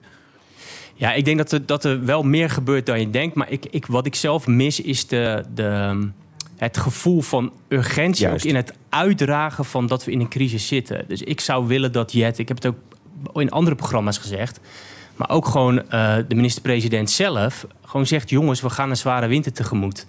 En wij als overheid gaan proberen die gaten dicht te lopen. We, we zijn bezig met die visieontwikkeling. Maar zorg ook een beetje voor elkaar. En ik vind zelf persoonlijk. was het ook een overleg om al die mensen die het niet kunnen betalen niet af te sluiten. Dat, ik weet niet wat daaruit gekomen is. Ja, dat, maar- vanmiddag is ja, er zijn bijna elke dag overleg en crisisteams en interdepartementale werkgroepen. Je wordt er helemaal, helemaal horendol van. ja, maar het is noodzakelijk ja, natuurlijk. Ja. Het is noodzakelijk. En ik, ik denk zelf dat een kabinet een heel duidelijk signaal moet geven. Jongens, als jij. Kijk, er zijn altijd mensen die de energierekening niet willen betalen. Hè. Dit- Maar als je echt niet, gewoon niet meer kan omdat het te hoog is, dan moet er gewoon volgens mij een heel groot noodfonds zijn bij de energieleveranciers. Ik zeg een paar honderd miljoen hoe, of hoe, een staan- miljard. hoe staan die ervoor? Want de, de, de ACM waar je het net over had, controleren die al die energiemaatschappijen voldoende? Om te kijken hoe een kasreserve is. Ja, ik vind dat te weinig. Ik, ik, ik heb de ACM te weinig gezien. Ik zie hele gekke bewegingen op de energiemarkt nu gebeuren. Ehm, en ik maak me zorgen over een aantal bedrijven. In- tijdens de bankencrisis moesten, moesten de banken ook elke keer met een plasje naar de dokter. Hè? Ja. Dus dan, en, en ik zou zeggen, joh, zorg dat die energiebedrijven... dat ze hun balans, hun boeken opengooien bij de ACM. Waar zijn leveranciers eh, Ja, betrekken? waar ze, van wie koop je in? Ja. Aan wie verkoop? Wat is je balans? Sta je op omvallen? Maar wat ik ook een belangrijk punt maar die vind- transparantie is er dus niet, hoor ik jou zeggen. Eh, te weinig, ja. Nou ja, Ja. Kijk, ik, ik hoef het niet allemaal te weten, maar de ACM moet het weten. En ik zie de ACM die- daar niet op, niet op acteren. Maar ik vind een ander belangrijk... We hebben het net over urgentie. Ehm, kijk, als je gewoon... Als ik s- eh, s'avonds om 11 uur door Rotterdam-Zuid rijd, waar ik woon... Hm? dan zie ik nog de lichte reclames, schreeuwende borden gewoon aanstaan. en de terrasverwarmers en eh, kantoren waar vanavond s'avonds nog. Waarom kunnen we dat niet met elkaar regelen? Dat is, dat is, daar hoef je echt niks voor te doen. We leven geen enkele vorm van welvaart in. Maar we gooien gewoon tientallen procenten energie weg. Omdat we niet wat. we- Kijk, tijdens de Praktische oliecrisis. waar jij het over hebt. Nee, eh. maar tijdens de oliecrisis had je, had je- wa- was, was het natuurlijk de autoloze zondag. En je kon daar van alles van vinden. Maar de gedachte daarachter was...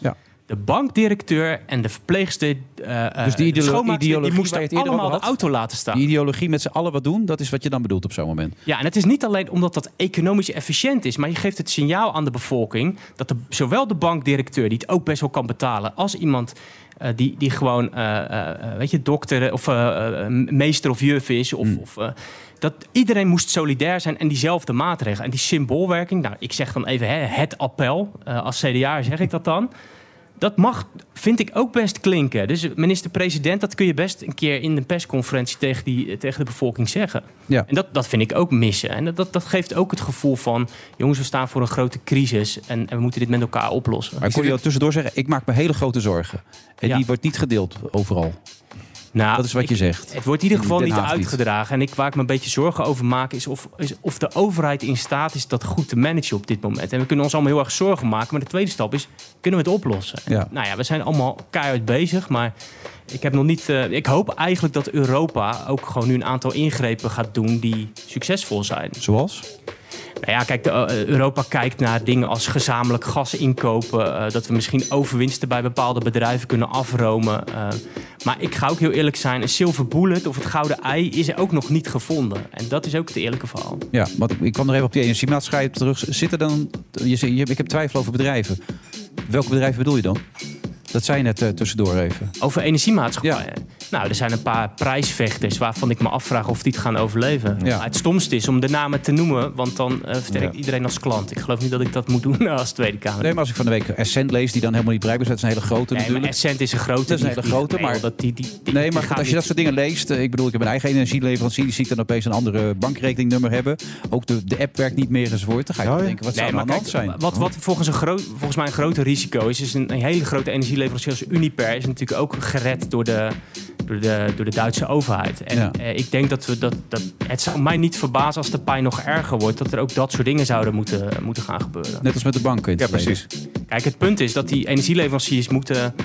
Eh, als zij contracten willen sluiten om energie in te kopen, omdat die energie zo duur is, moeten ze ook allerlei garanties geven. Ja. Daar moeten ze heel veel kapitaal voor Dus zeg hebben. jij, laat banken daarbij helpen, toch? Dat heb je ook al een keer Ja, aangegeven. maar die banken die lopen daarmee risico's. Dus die zullen ook niet zeggen van ja, dat doen we even. Dus die zijn ook terug, terughoudend. Dus zou de overheid dat moeten doen, die Ja, dat, garanties? is, dat is waar de Europese Commissie op dit moment over nadenkt. Van moet de ECB, de Europese Centrale Bank, daar niet een rol in gaan hebben? Klinkt logisch. Rutte heeft eh, 4,7 miljard euro uit Brussel gekregen. Tenminste, daar hadden we nog recht op. Wat moet ermee gebeuren? Eh, uit dat fonds bedoel je? Uit, Ja. ja. ja, kijk, ik, ik denk dat ehm, eigenlijk nog geen eens geld het grootste probleem is. De- het probleem, het moeilijkste nu is, kunnen we dat zo gericht mogelijk inzetten? Want alle maatregelen die we ver- verzinnen voor compensatie, die zijn niet gericht genoeg. En hoe gerichter ik wil compenseren, hoe complexer het in de uitvoering is. Nou, en dan loop ik aan tegen een belastingdienst die het niet uit kan voeren. En die zegt, ja, in ICT-systemen, 2024 kan het. En ik wil als politiek, politicus ook niet verantwoordelijk zijn om een belastingdienst die eerst de toeslagenaffaire aan het oplossen is, om die nog verder de vernieling in te helpen. dat is het dilemma waar we nu als politiek situatie, in ja. zitten. Je wordt binnenkort 40, toch, in november, of niet? Weet jij dat? Nou, ik het vind dit een vrij pijnlijke, een pijnlijke constatering. Nee, nee, ja, voor jezelf is dat inderdaad misschien wel een pijnlijke. Maar het geeft wel een beetje hoop als ik jou zo hoor praten... dat CDA toch nog een beetje toekomst heeft. Ik denk dat het CDA toekomst heeft. Heel erg zelfs. Want de tijd dat, we, dat ieder voor zich en de markt of de overheid voor ons allen is een beetje voorbij. Volgens mij heeft de samenleving een paar dingen nodig. Solidariteit, gemeenschapszin en uiteindelijk een politiek van hoop. En dat klinkt heel hoogdravend, maar...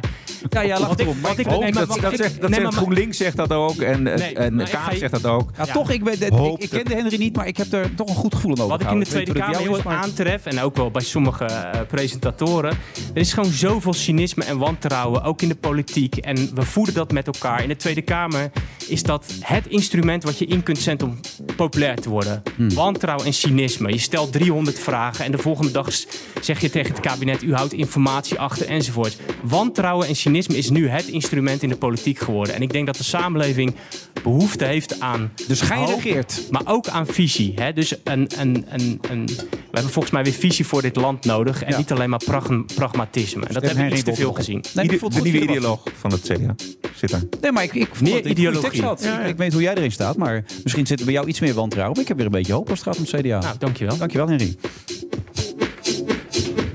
The Friday Move wordt mede Ook Thomas van Zeil vind je in de BNR-app. Je kunt live naar mij luisteren in Zaken doen, de BNR-app met breaking news, het laatste zakelijke nieuws en je vindt er alle BNR-podcasts, bijvoorbeeld Het Nieuwe Geld. Download nu de gratis BNR-app en blijf scherp.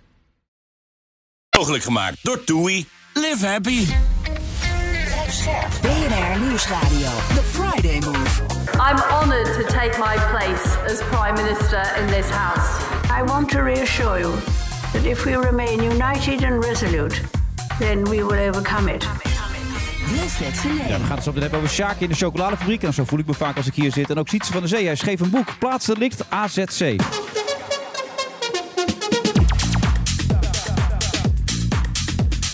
Roderick Velo, hij is mijn eh, co-host van vandaag. Is het fijn om een co-host te zijn, eh, Roderick?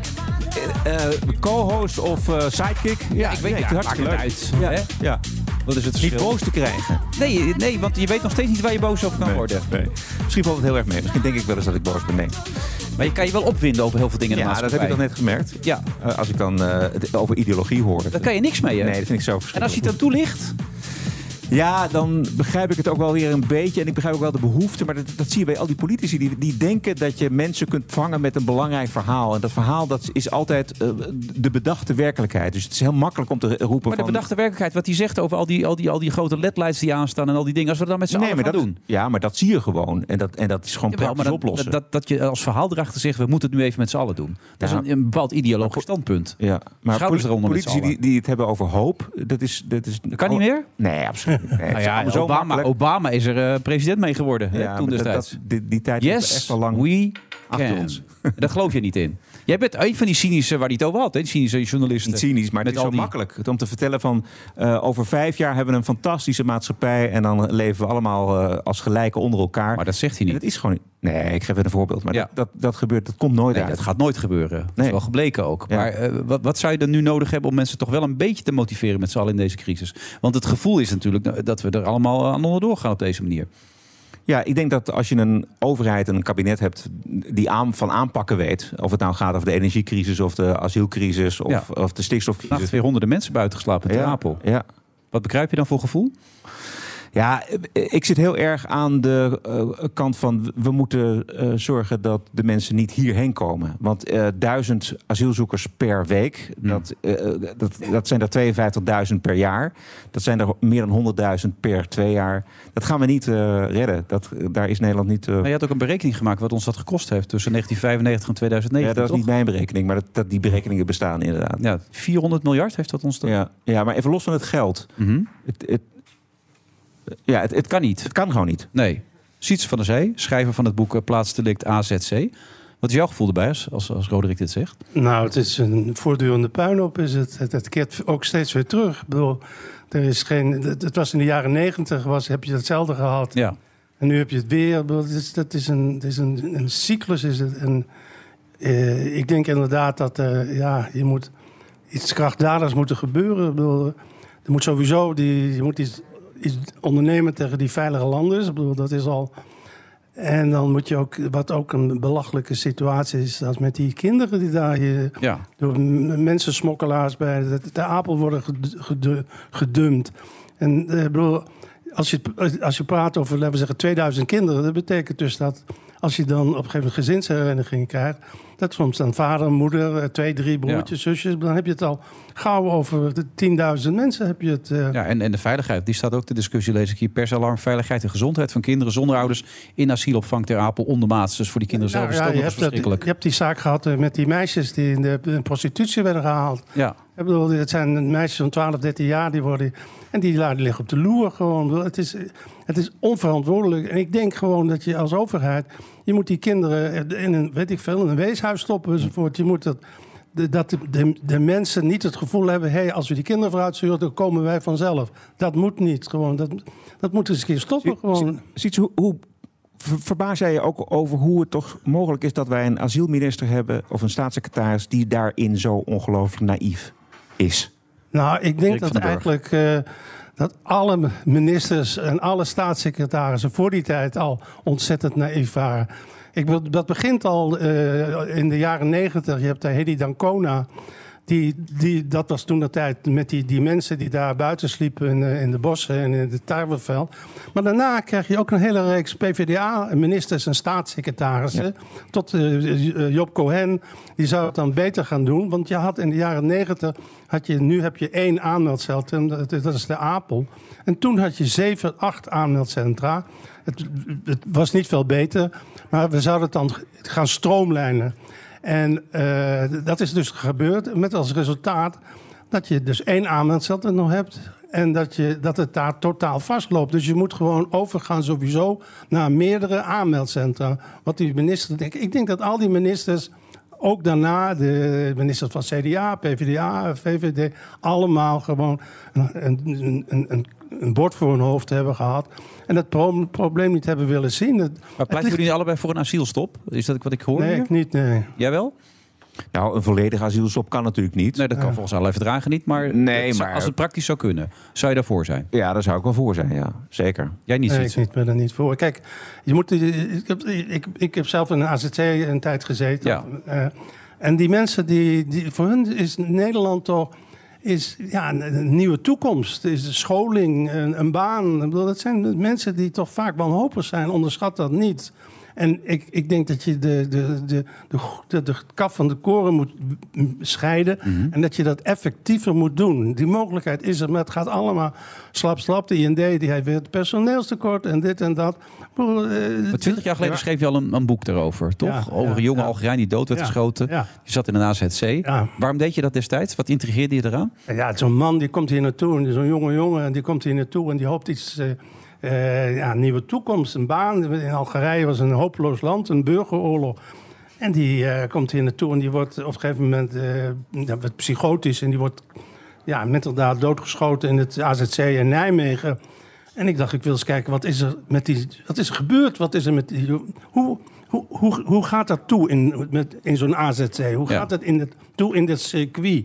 Want die jongens, die zitten daar, zaten vijf, zes jaar, zaten ze in het AZC. Zonder werk, zonder toekomst. Zonder iets. werk, zonder Ja. niks. En dat zou ook op een gegeven moment afgelopen zijn. Want ze zouden nog maar korte tijd, er zou een nieuw circuit. Maar er zijn nu nog steeds mensen die vier, vijf jaar in de AZC zaten. Toen de tijd was er een Chinees, die zat in een AZC. Zat negen jaar in het AZC, zat hij notabene. Ja. Ik bedoel, en nu heb je, of ze zitten nog niet meer negen jaar, maar ze zitten nog steeds zitten mensen vier, drie, vier, vijf jaar. Want je hebt weer opnieuw gekeken nu en dat Ja. valt je op, er is niet veel veranderd. Nee, dat is het tragische aan het hele geval. eh.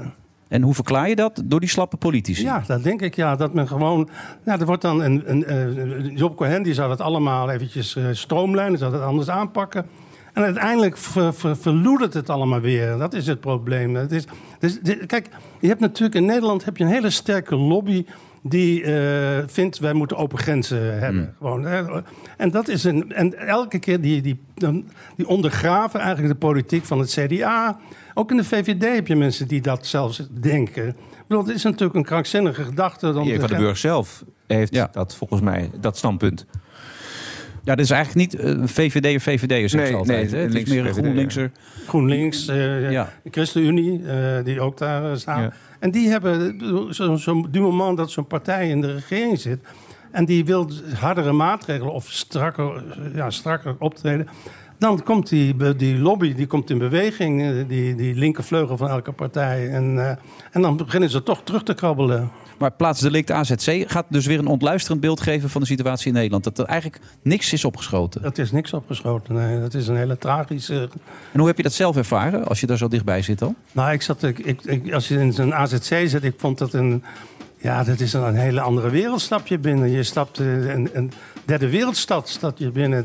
De, mensen om je heen, het, ruikt anders. Het is, een, het is een, een, een, een stad voor zichzelf. En ik vond dat. eh, ja, ik vond het buitengewoon interessant. En, en mensen waren ook heel aardig. En ik heb ook nooit enige problemen ondervonden van wie dan ook. Ze kijken, maar ja, op een gegeven moment was iemand die had dacht dat ik een CIA-agent was, omdat ik met een, met een regenjas opliep daar. eh, De, maar ik had een kamergenoten, ik had drie kamergenoten, twee waren Koerden.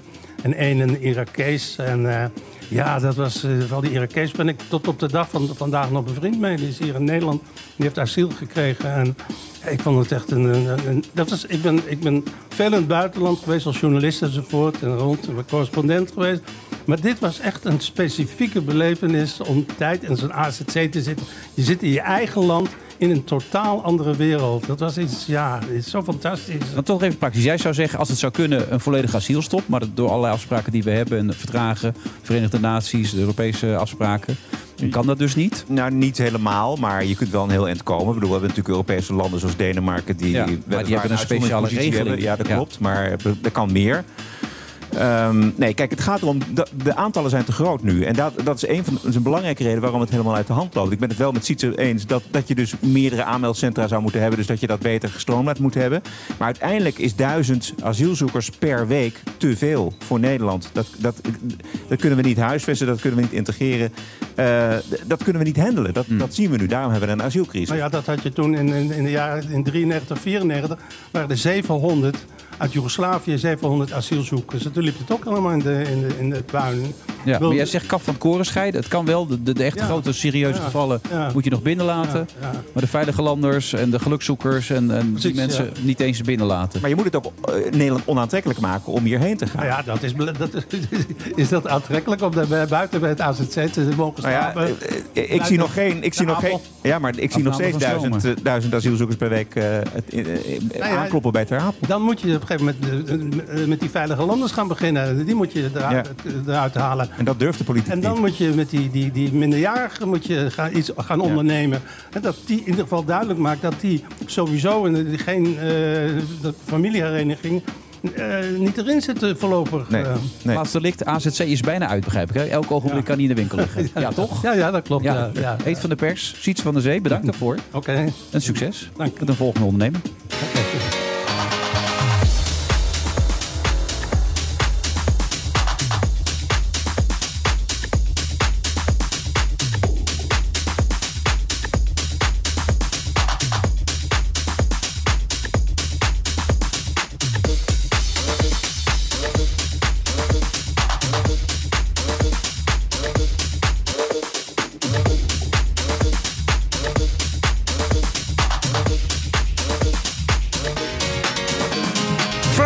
9 september. We zitten in de, de, de eh, rock and roll bar, de hard rock café moet je zeggen, eigenlijk van het American. Dus eh, ik zag rock and roll bar, is wat anders natuurlijk. Hard rock café van, het American, daar kun je eventueel nog langskomen.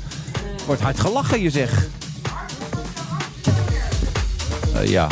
ja, wat, wat zei ze, hard rock café? Nou ja, het is Amsterdam American, het is inderdaad ongelooflijk. Had ik al gezegd wij Toei sponsor hebben? Ja, dat heb je gezegd. Oh, oké. Nee, nee, nee, dan meld ik dat ook nog even. Roderick Velo, goed dat je er nog steeds zit. Hey, jij- jij kent de eh, Charlie en de chocoladefabriek natuurlijk als geen ander. Nee, helemaal niet. Ik ken er niks van. Nee, ik heb geen kinderen. Ik ben er zelf nooit heen geweest.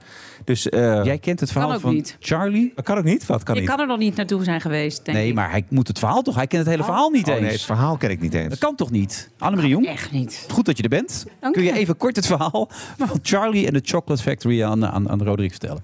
Nou, de beroemdste kinderboekenschrijver eh, ter wereld, genaamd Roald Dahl, heeft eh, heel veel bekende titels eh, geschreven natuurlijk. Waaronder, eh, in ons land heette het Shaki en de chocoladefabriek. Ja. Wij hebben de Engelse titel aangehouden, maar wel geheel in het Nederlands gespeeld, vertaald. En ja, we hebben er een musical van gemaakt. En die speelt op dit moment hiernaast in de Lamar Theater. Ja, maar nu heeft hij nog steeds het verhaal niet door. Oh, het Leg verhaal van het Charlie. het gaat. Charlie Bucket. Charlie, eh, ehm, dat is een, een heel arm jongetje. Echt Woont, heel eh, arm. samen met zijn moeder. Zijn vader is overleden. En zijn twee opa's en oma's die al jarenlang met z'n vieren in bed liggen. Eh, Willy Wonka, dat is een eh, hele bekende chocolatier. Die heeft een hele grote fabriek vol met de lekkerste snoep en chocolade. Oh, zo lekker. Ehm, het is een beetje een mysterie, die man. Al jaren wordt er niks meer uit die fabriek gehoord. Wat is dat toch voor type? Ineens is er een wedstrijd uitgeschreven. Eh, in vijf chocoladerepen zijn gouden tickets verstopt. Wie het gouden ticket vindt in de chocoladereep... die krijgt een rondleiding door de fabriek door Willy Wonka zelf gegeven. En Charlie is zo'n fan al die tijd al van Willy Wonka... dat hij niets liever wil dan eh, dat gouden ticket winnen.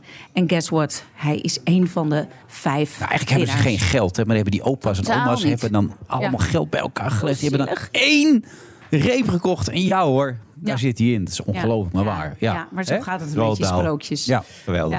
En dan gebeurt er van alles in die fabriek. Oké. Ja, en die kinderen, die, kinderen die, eh, die, die andere tickets hebben gewonnen. Zeg maar, Tja, want, want Willy Wonka zoekt een opvolger voor zijn fabriek. Hij vindt dat zijn chocolade bitter is geworden. Dus hij Ja. zoekt iemand met een puur hart. Zelf ook bitter geworden. En namelijk. ja, hij is zelf ook een beetje bitter geworden.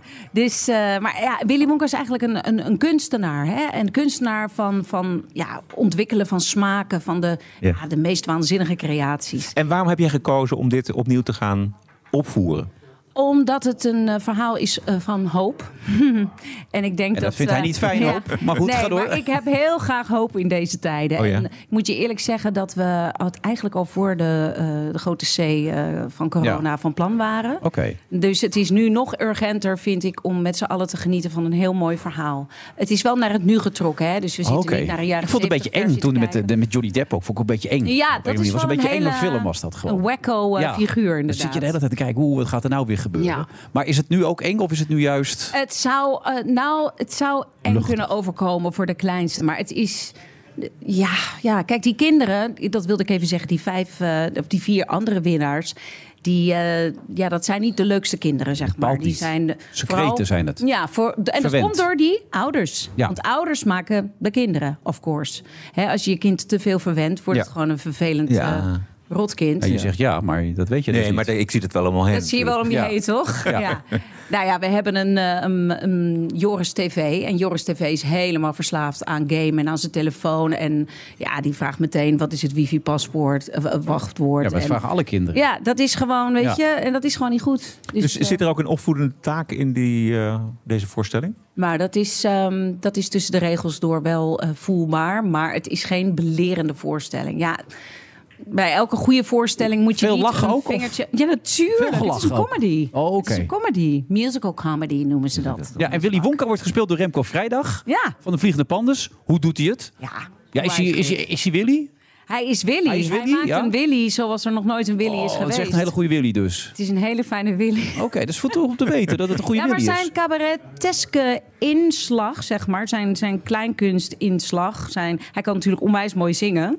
En ook zijn, ja, zijn aanpak van de rol en zijn terzijdes, die zijn wel eh, heel eh, leuk. En, heel En, jij bent een van de moeders, begrijp ik, Ja. eh, van de kinderen Ja. die daar een prijs winnen. Ja, ik heb verschillende rollen. Ehm. Eigenlijk heeft iedereen verschillende rollen. Want ehm, ik begin eigenlijk als snoepverkoopster... Met de, die in, in die arme wijk tevoorschijn komt. Het is eigenlijk een onderrondje tussen mij en Willy Wonka. Van we gaan eens even kijken of hier geschikte kandidaten rondlopen... om die fabriek over te gaan nemen. Ehm, en die snoepverkoopster heeft hele rotte tanden. Vond ik wel een leuke CL-detail om. Ja. toe te voegen. Ja. Met tandenlak. Maar daarna word ik mevrouw Slok. En mevrouw Slok is de moeder van eh, Casper Slok. Hmm. En eh, zoals de naam al een beetje doet vermoeden, dat is het, eh, het gulzige jongetje. Die ja, het liefst ja, de, de, de stoelpoten opeet, omdat hij altijd trek heeft. Dat is ook lekker hoor. En die komt ook als eerste vast te zitten in een chocoladebuis. En, eh, het deze leuk, voorstelling Jij- is echt- geniet er- ja, jij geniet ervan, ja. Het is een spektakelstuk, want het is heel mooi vormgegeven. Waanzinnige decors, hele mooie projecties. Want je kan natuurlijk niet alles wat is opgeschreven zomaar eh, 3D vormgeven. Dus er zitten ook hele mooie projecties in. En wat het leuke is, omdat eh er vanuit is gegaan dat Willy Wonka een kunstenaar is, zijn al zijn kamers, de chocoladekamer, de notenkamer, alle kamers waar iets ge- wordt gemaakt, zijn geïnspireerd op een bekende eh, kunstenaar. Dus eigenlijk eh, de magische realisten. Hmm. Zoals een Dali, een Magritte. En dat vind je wel terug ook in de decor. En het is de Lamar Theater? eh, Ja, op dit moment wel. We gaan zondag in première. Ja. Vanavond spelen we nog een try-out en morgen twee. We zijn natuurlijk stik zenuwachtig, maar de eerste je komt er net reacties zijn... ja, we hebben net weer een doorloop gehad. Want dat is ook nog zo leuk. We spelen dus met echte kinderen. Op Broadway en West End zijn het eh, jongvolwassenen die die Ja. rollen spelen. Maar het is natuurlijk veel gaver om het door hele getalenteerde kinderen te laten doen. En we hebben Charlie's. Ja, je vreet, je, je vreet ze gewoon op. Ze zijn zo leuk. Ja, zijn ze allemaal meerdere ja, Charlies? ik heb er ook hebben, kleine toch? hapjes van genomen. Ja, want je moet meerdere Charlies hebben zeker. Ja, je moet er de- minimaal vijf hebben, want ze mogen wegens de arbeidsinspectie Nee, niet krijg altijd je. spelen. Ja, ja. Ben je al een beetje enthousiast geworden, Roderick? Want je zit er rustig naar te luisteren. Ja. kom even kijken. Het is hiernaast. Ja, dat is waar. Het is hier vlakbij. Je kom eens kijken. Ja. Vind je het eigenlijk lekker dat je geen kinderen hebt? Dat het lekker rustig? Ja, ja, ja, Ja? ja? zeker. Heerlijk. Ja? Ja, het Ja, is wel een drukke bedoeling. Ja, hoor. het is een druk. Het, het- je wordt er een beetje eh, egocentrisch van misschien wel. Omdat je denkt van nou ja, ik doe gewoon waar ik, waar ik zin in heb. Ja. Ik heb met niemand verder rekening te houden. Maar ik mis ze ook niet. Dat is volgens mij belangrijk. Dat, Dat is het belangrijkste. Ja. Nee. Je kan als goed doorhalen, een avondje. Hè? Ja, zeker. Dat is heel anders als je op 7 wakker wordt. Ja. Papa, Ja. wat gaan we doen? Nou, even liggen nog? Nee, dat dacht ik niet. Dat ken je misschien wel of niet, Annemarie? Nou, ik heb, eh, ik heb één dochter en die eh, wordt tien. Ja. En dat is eigenlijk best wel een avondmens. Dus ik heb nooit zo om vijf uur dat ze al naast mijn bed stond. Die heb ik Oh, eigenlijk ja, heel goed mijn genen doorgegeven aan haar. Charlie en de Chocolate Factory. Waarom trouwens in het Engels? Heb je dat vast? Ja, dat heeft met licenties te maken. Ja, ik zeg het Oh, eerlijk. Ja, Ja, dat is het beste wat je kan het. doen in dit programma. Dan komen we er toch wel achter. Annemarie Jong, heel veel plezier met name ook. En bedankt dat je er was. Dankjewel. En tot de volgende keer. Tot de volgende keer. The Friday Move wordt mede mogelijk gemaakt. Bij BNR ben je altijd als eerste op de hoogte van het laatste nieuws. Luister dagelijks live via internet. Bas van Werven. En heel langzaam komt de zon op rond dit tijdstip. Je krijgt inzicht in de dag die komt op BNR, het Binnenhof in Nederland en de rest van de wereld. De Ochtendspits. Voor de beste start van je werkdag. Blijf scherp en mis niets. Door TUI. Live happy. Blijf scherp. BNR Nieuwsradio. The Friday Move. This is BBC News from London. We will put our nation on the path to long-term success. Het gaat de Britten vooral natuurlijk om het overlijden van de Queen. Well, this is this is it, folks. Wilfred En Roderick Velo zou heel boos kunnen worden. Maar hij wordt het niet. Hij wordt het niet. Hoe kan dat nou zeg? Running hij, wordt, hij wordt gewoon niet boos zeg. Nou, hij heeft er ook niks aan gedaan moet ik erbij zeggen. Toch? Helemaal niks. Nee. Het loopt allemaal als een... eh, Totaal niet zeg. En met Koen Verbraak nu eh, aan Er tafel. zijn genoeg mensen die ik boos heb gekregen in het verleden. Maar ik heb het bij jou een beetje laten lopen eigenlijk. Een beetje zonde. Koen, jij bent een keer boos weggelopen, kan ik me herinneren, toch? meerdere keren. Meerdere keren ben jij woedend weggelopen. Ja. Wat was de laatste keer ook alweer? Waar ging het ook alweer over? Weet jij het nog?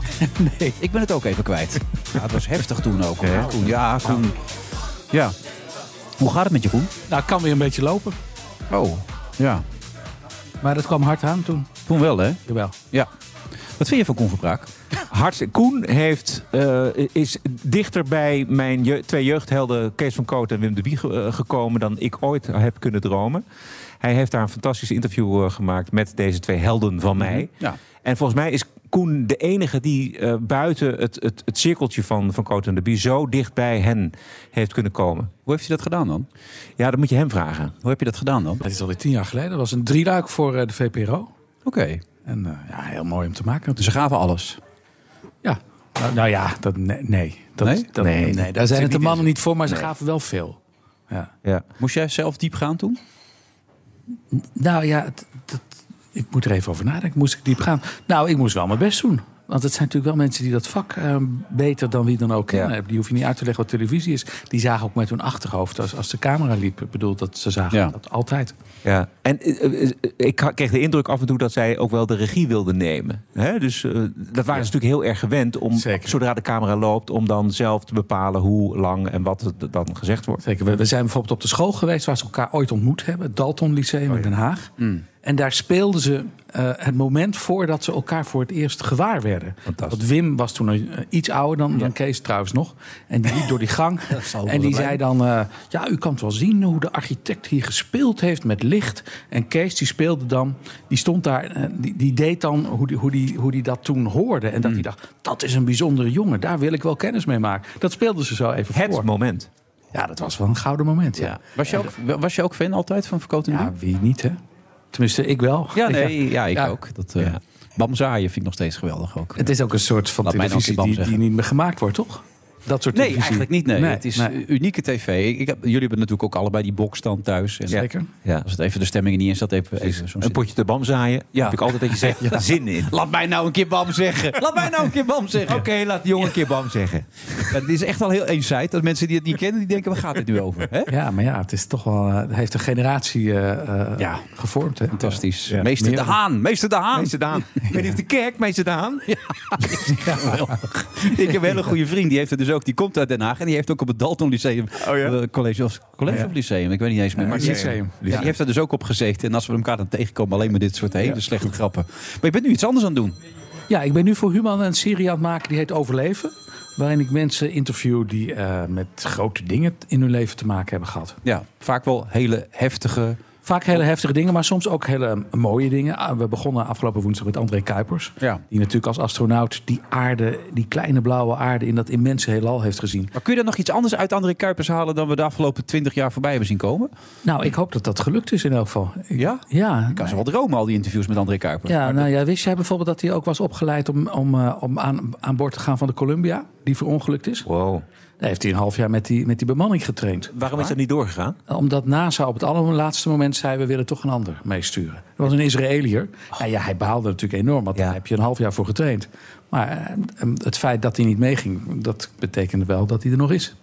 Ja, en daardoor moet je dan het leven nog meer omarmen dan normaal gesproken. Want dat is een beetje de thema's die je eruit had Ja, halen, nou ja, dat, dat, en, en, eh, ja en, en, maar ook, kijk, in zijn geval is het natuurlijk ook... eh, dat is heel interessant, dat al die astronauten worden gewoon op slag natuurbeschermers... Hè, als ze die aarde hebben gezien. Ja, de breekbaarheid van de aarde. Ja, ja. En wat ik ook een fa- fascinerend detail vind... je ziet dus als, ah, per etmaal de zon 16 keer opgaan, hè? Ja. Wat dat, ze hebben wel eens een, een moslimastronaut mee gehad. En die, die, ja, die, daar moest speciaal een soort eh, regel voor. Ja, ja, want anders kom je niet meer van je matje af natuurlijk. Nee, die zat onafgebroken op dat ja, matje. dan moet je 16 keer per etmaal moet je. Weet je de grap? Ja. Wat? Nee, dat is geen grap. Dat, en toen is er echt een, een, een, eh, een imam in Maleisië geweest. Die heeft voor hem speciaal een regel af, a- uitgeroepen... dat hij maar één of twee keer per dag hoefde te bidden. Anders, kun je niks meer doen natuurlijk. Maar ik, ik kom er een beetje op omdat een, een oud journalist... eh, die overleden is in El Salvador, ooit Ja. had geschreven... overleven verplicht. Koos Koster. Ja. ja, Nou ja, dat is bijvoorbeeld eh, iets wat je kunt afvragen... als je een heel groot... Grote ramp hebt. Ehm, we hebben bijvoorbeeld eh, in, in de serie Edu Nantlau, een voetballer. Voetballer met de SLM-ramp. Ja, die zat aan boord van, SLM, eh, van het SLM-toestel.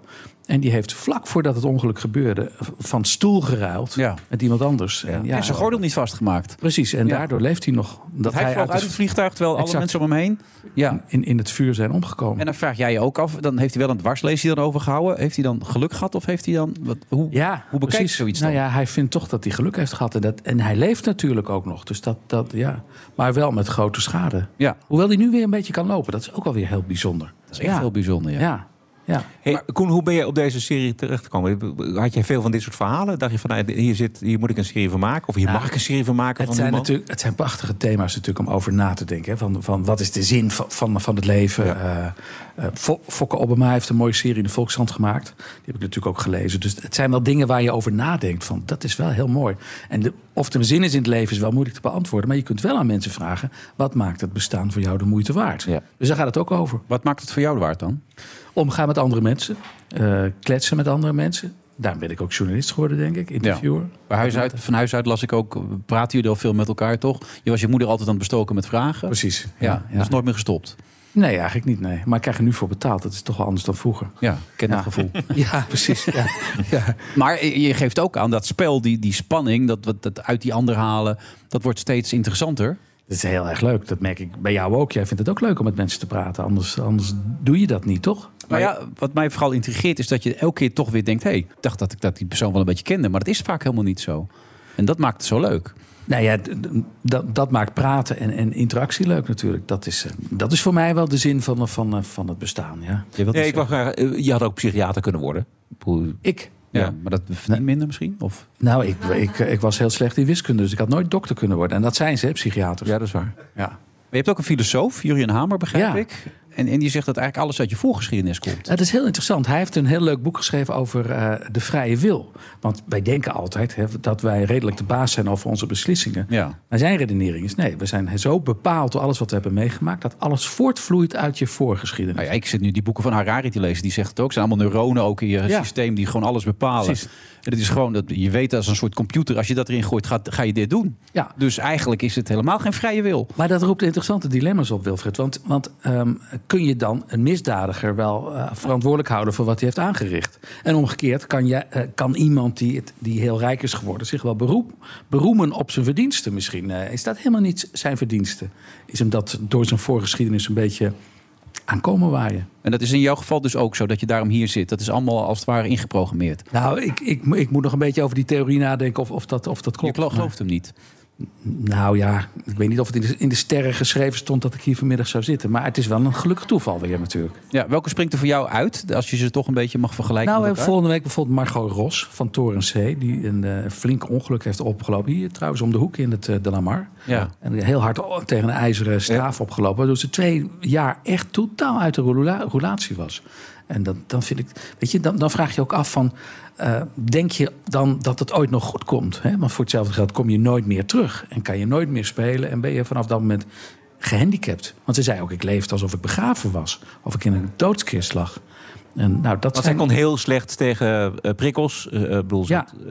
na dat ongeluk. En de hele dag hoofdpijn en de hele dag rare tonen in je oor. Ja. En eh, dus dat, dat was... En ze leefde eigenlijk een beetje alleen. Want ze had een gezin. Ja. Ze heeft nog steeds een gezin Ja. waarschijnlijk. Maar Ja. ze was helemaal... En ze kon bijna an- andere mensen niet, niet verdragen. Nee. En moet je je voorstellen dat je dan elke avond op het toneel gewend bent te staan. En dat je voor de televisie werkt. En dat je in één keer... Stel je voor dat jij nou ergens keihard tegenop loopt en niks meer kan. Klop even af hoor. want- Ja, ja, Ja. Laten we, doe dat vooral. Ja. Maar, maar dat is toch een ramp? Dan is je leven toch bijna voorbij voor je gevoel. hè? Ja. Dus dat, nou ja, Maar hoe is dat nu met haar dan? Ze speelt weer. Ik heb haar nog op de parade gezien bijvoorbeeld. En dan staat ze in een tent waar het 40 graden was... toch drie voorstellingen te doen. Dat ik denk, het is toch goed gekomen. Hoe, hoe was het voor jou om die keuze te maken eigenlijk? Je zei op een gegeven moment, ik, ik was er wel klaar mee. Met, Met- met RTL? RTL Z en die manier Dat van zijn geen leven. levenskeuzes. Maar... Nee, nee, maar ik wil hem aangeven van, je, je maakt toch een bepaalde beslissing. En dat wordt opeens anders. Je het spannend? Ja, ontzettend spannend. Ik vond vooral...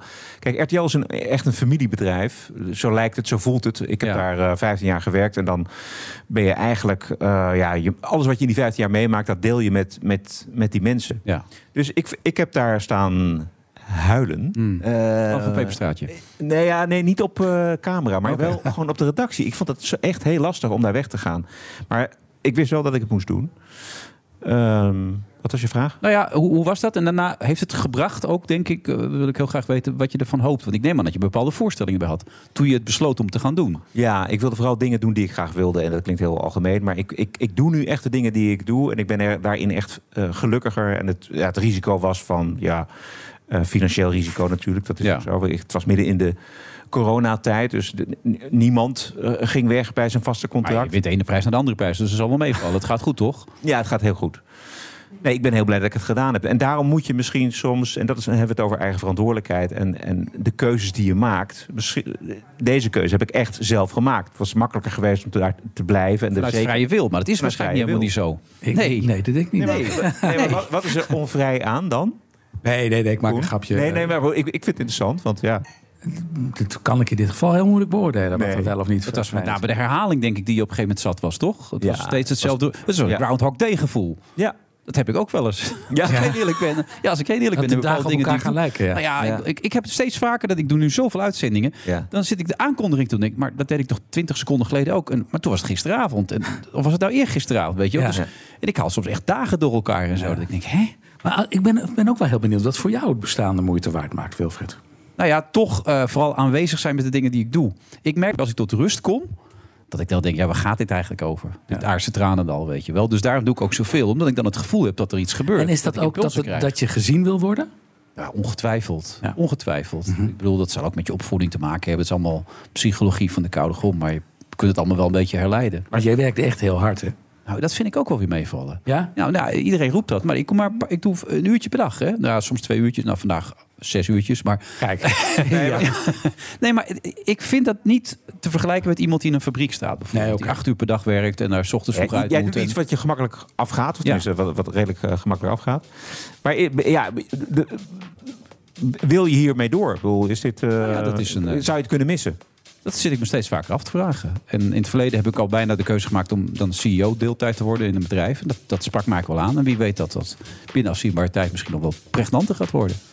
Maar het- tegelijkertijd is, kijk wat we hier nu aan het doen zijn. Dat is Ja. het leukste wat er is. Ja, is- Ik vind van wel, ja. Ja, Ja. En, en overleven, dat lijkt me een prachtig programma. Want ik zou het ook willen maken. Het lijkt me fantastisch om zo dicht bij mensen te mogen zijn. En jij noemt het wel eens schaken. Kun je nog steeds beter leren schaken? Of, of zit je op een gegeven moment op een niveau en dan ben je een grootmeester en is het klaar? Nou, het is elke, keer, elke, elke pot is anders, toch? Ja. Ja. Dus, eh, Maar voel je bij jezelf soms nog wel dat je denkt... hé, hey, het is, dat had ik niet gedacht dat ik tegen mezelf Het had. voelt nog steeds niet alsof ik naar mijn werk ga. Dus eh, nee, dat Nee, is volgens mij ook ja. niet, toch? Nee, dit, is, dit is heel mooi wat eh, Koen zegt. Inderdaad, dat heb ik ook nu. Ja. Sinds ik weg ben bij eh, RTL. Ik ga nooit meer naar mijn werk. Ja, maar het is ook geen werk wat wij doen, toch? Nee. Nee. Nee, het is hobby. Ja. En daar worden we toevallig voor betaald. Ja. En de een iets beter dan de ander. Nou ja, dat, dat zie je dan ook nog weer in dit vak. Koen, wanneer kunnen we het gaan bekijken? Eh, het is afgelopen woensdag begonnen en vanaf nu eh, tien weken lang om eh, 21 uur, 9 uur op NPO 2 op woensdag. Oké, absoluut de moeite waard. Bij Human. Goed dat je er weer was. Nou, het was hartstikke leuk. Tot de volgende keer. Graag. Het is goed afgelopen deze keer met, met Koen. Geen ruzie deze keer. Dat is, dat is echt fijn dit. Het is ook eens lekker, Koen. Ja, voor de verandering. Ja, heel fijn dit.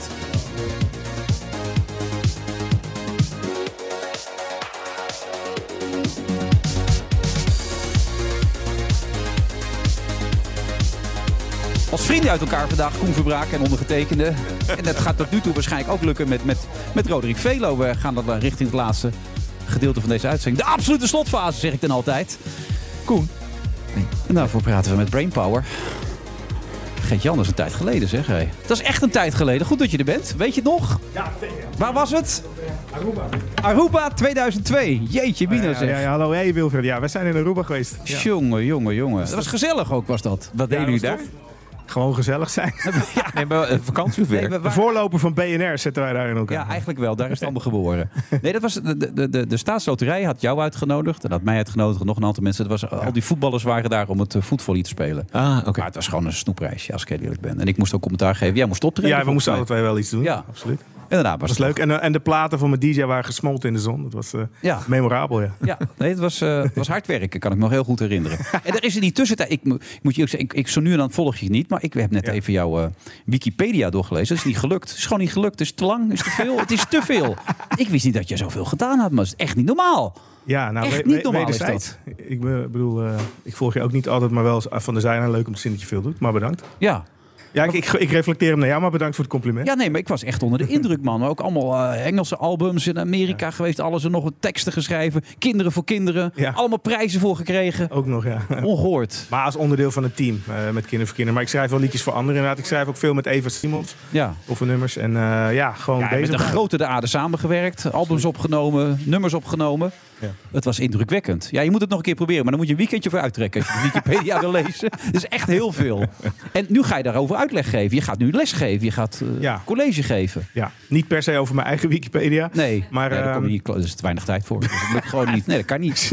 Nee, hip-hop. Eh, nee, het, is inderdaad eigenlijk het verhaal van hip-hop, de evolutie van, eh, van hip-hop. En vooral ook wil ik het publiek deelgenoot maken van mijn passie voor die cultuur. Want het is natuurlijk meer dan alleen muziek. En samen met mijn DJ gaan we dat middels beeld- en geluidsfragmenten gewoon, eh, gewoon doen. Ja, Geweldig. Was eerst underground, hè? Het kwam langzaam Ja. boven, zeg maar. Zeker. Ja. W- Wanneer begon het voor jou? Ehm, nou, als je het hebt over hip-hop in het algemeen, dat begon al voordat ik geboren was. De, de datum die algemeen gerespecteerd wordt als de geboortedag van hip-hop is 11 augustus 1973. Oh ja? Maar voor mij begon het Dus eigenlijk. schrijf ik even op. Waarom is dat? Ja. Omdat toen was er een feest in, eh, in New York, in de Bronx, eh, gegeven door Cool Herc en zijn zus in de recreatieruimte van een gebouw. En eh, dat was eigenlijk de eerste avond dat die cultuur geboren werd. Toen heette het nog helemaal geen hip-hop. Maar dat wordt algemeen geaccepteerd als de geboortedag van die cultuur. Wanneer is het gaan hip-hop gaan heten dan? Nou ja, er zijn verschillende theorieën over.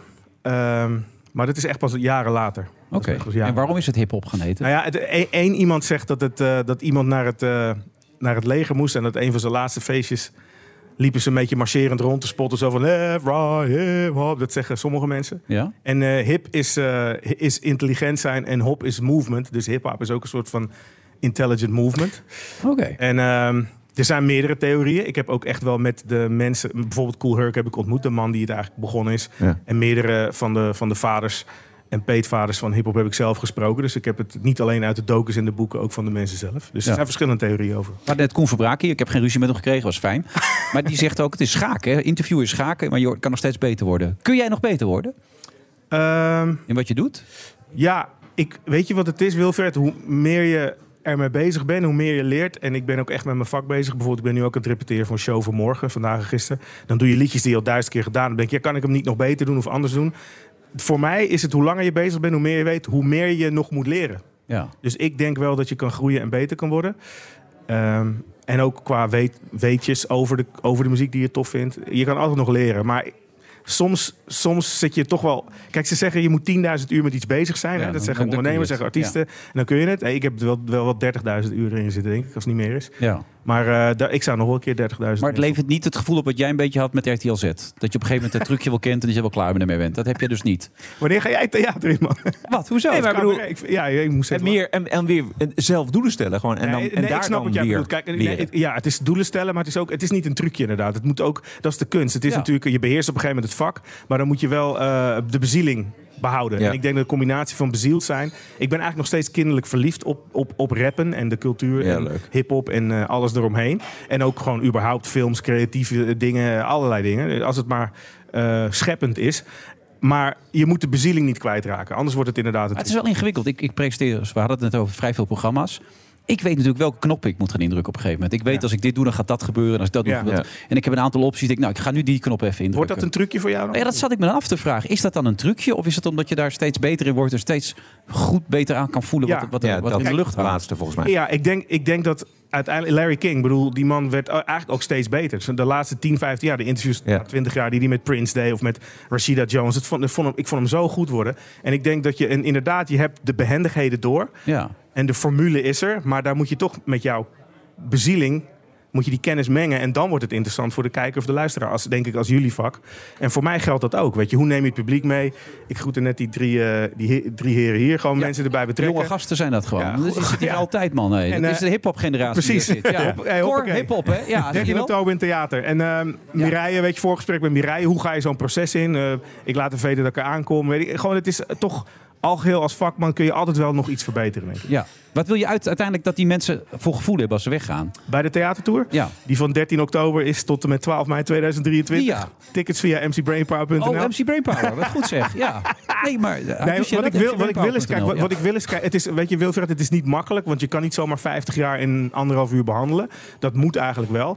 Eh, we gaan dat doen door, door middel van geluidfragment en beeldfragment. En wat ik wil is dat mensen die echt van hip-hop houden en er veel van weten, nog iets meer weten. Dat het publiek ziet hoe gek ik erop ben. En dat mensen die er misschien niet zoveel van weten, geïnspireerd raken om er verder in te duiken. Ja. Mag ik, mag ik zeggen, mijn moment van hip-hop, wat ik me nog heel goed weet herinneren, want ik zat hier in Amsterdam op de middelbare school. Ja. Het was 1980. Wauw. En Sugar, Sugar Hill Hill Gang. Gang. Sugar Hill Gang.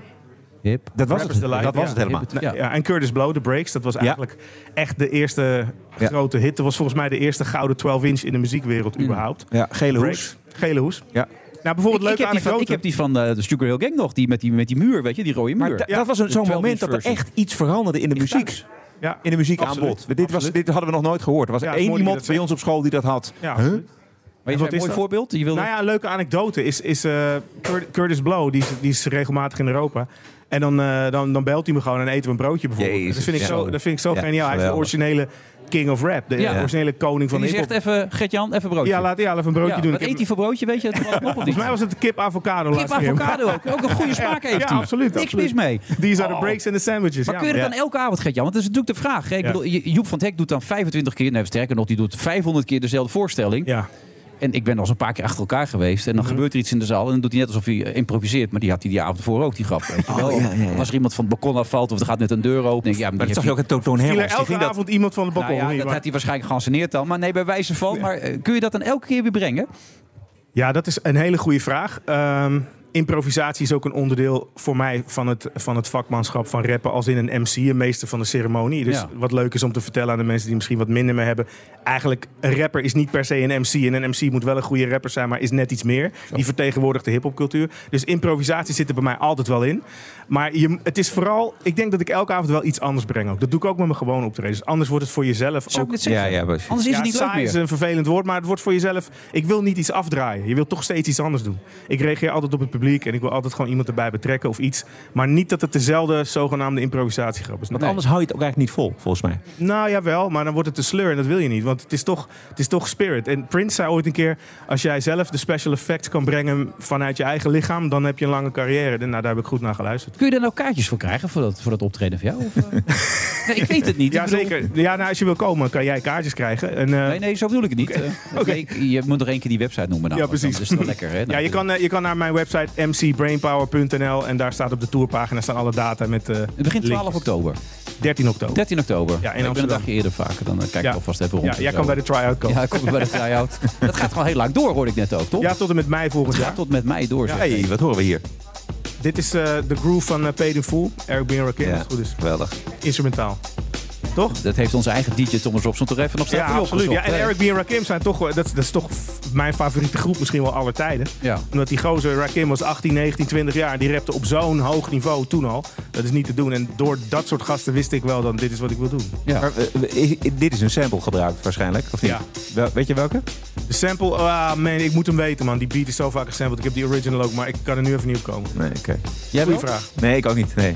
Maar je Nee, zit maar- er wel in. Jij kent het wel. Ja, ja, ja, ik ken het wel, Ja. maar ik, ik, ik hoopte dat hij het zou zou Ja, weten. deze er heb zit- nog bij Er zitten Ja, meerdere in die. Cold Cut remix die in Nederland een hit was geworden. Er zitten meerdere samples. Hè. This is a journey into, Into sound. En dan heb je ook volgens mij een stukje van Dennis Edwards. eh. Don't Look Any Further met Ja. Cedar Garrett. Oh, ja. de drums weet ik even niet meer. Maar Oh, Cor weet het ook even niet meer. Maar normaal weet Cor het wel. Dat is zo zonde dit allemaal. Hey, wat voor broodje eet jij dan tot slot? Als die nou, ik, ik ga ook gewoon voor de kip avocado. Hier hebben ze goede hamburgers, heb ik gehoord. Maar. Ja. Want we zitten vandaag in, ik ben het weer kwijt, het Hard Rock. Hard Rock Hotel Amsterdam. In de Bar Americain, of hoe zeg ik het? Ja, zo moet ik het zeggen, ja. Ik heb het steeds rock'n'roll genoemd, maar dat zit er helemaal naast. ja, nee, maar goed, die mensen zijn allemaal boos net op mij en zo. Denk ik, ga ik er één keer doen. Nou, ik wens je heel veel plezier mee. eh, Dankjewel, man. En goed dat je er was. Ja, bedankt dat En tot over zijn. 20 jaar. Ja, goed. In Aruba. Roderick, bedankt. Het is helemaal goed verlopen. Ja, Ja. volgens mij ook. Het was hartstikke leuk. En nu ga je erover nadenken een dag lang en dan Nee. Ja, ga ja, je er een conclusie aan verbinden. ja, denk het wel. Ga ik een column over schrijven. Wanneer komt hij weer uit, je column? Eh, elke woensdag uh, Telegraaf. En? En ik koop dat boek, hè? De schijn regeert. Oh, dat kun je kopen ook. Ja, die kun je kopen bij bol.com bijvoorbeeld. Oh, in de betere boekwinkel. In de betere de slechte boekwinkel. Ja, ja, zeker. Ja. Nou, goed dat je er was. Bedankt. Ja. En tot volgende week. Dan zijn we er weer. Zitten we dan in Zoetermeer? Hoe gaan we dat in hemelsnaam doen met al die andere dingen? Dat zien we dan wel weer. Tot volgende week. The Friday Move wordt mede mogelijk gemaakt door TUI. Live happy. Ook Bas van Werven vind je in de BNR-app. Ja, je kunt live naar mij en Iwan luisteren tijdens de ochtendspits. Je krijgt een melding van Breaking News. En niet alleen onze podcast Ochtendnieuws, maar alle BNR-podcasts vind je in de app. Download nu de gratis BNR-app en blijf scherp.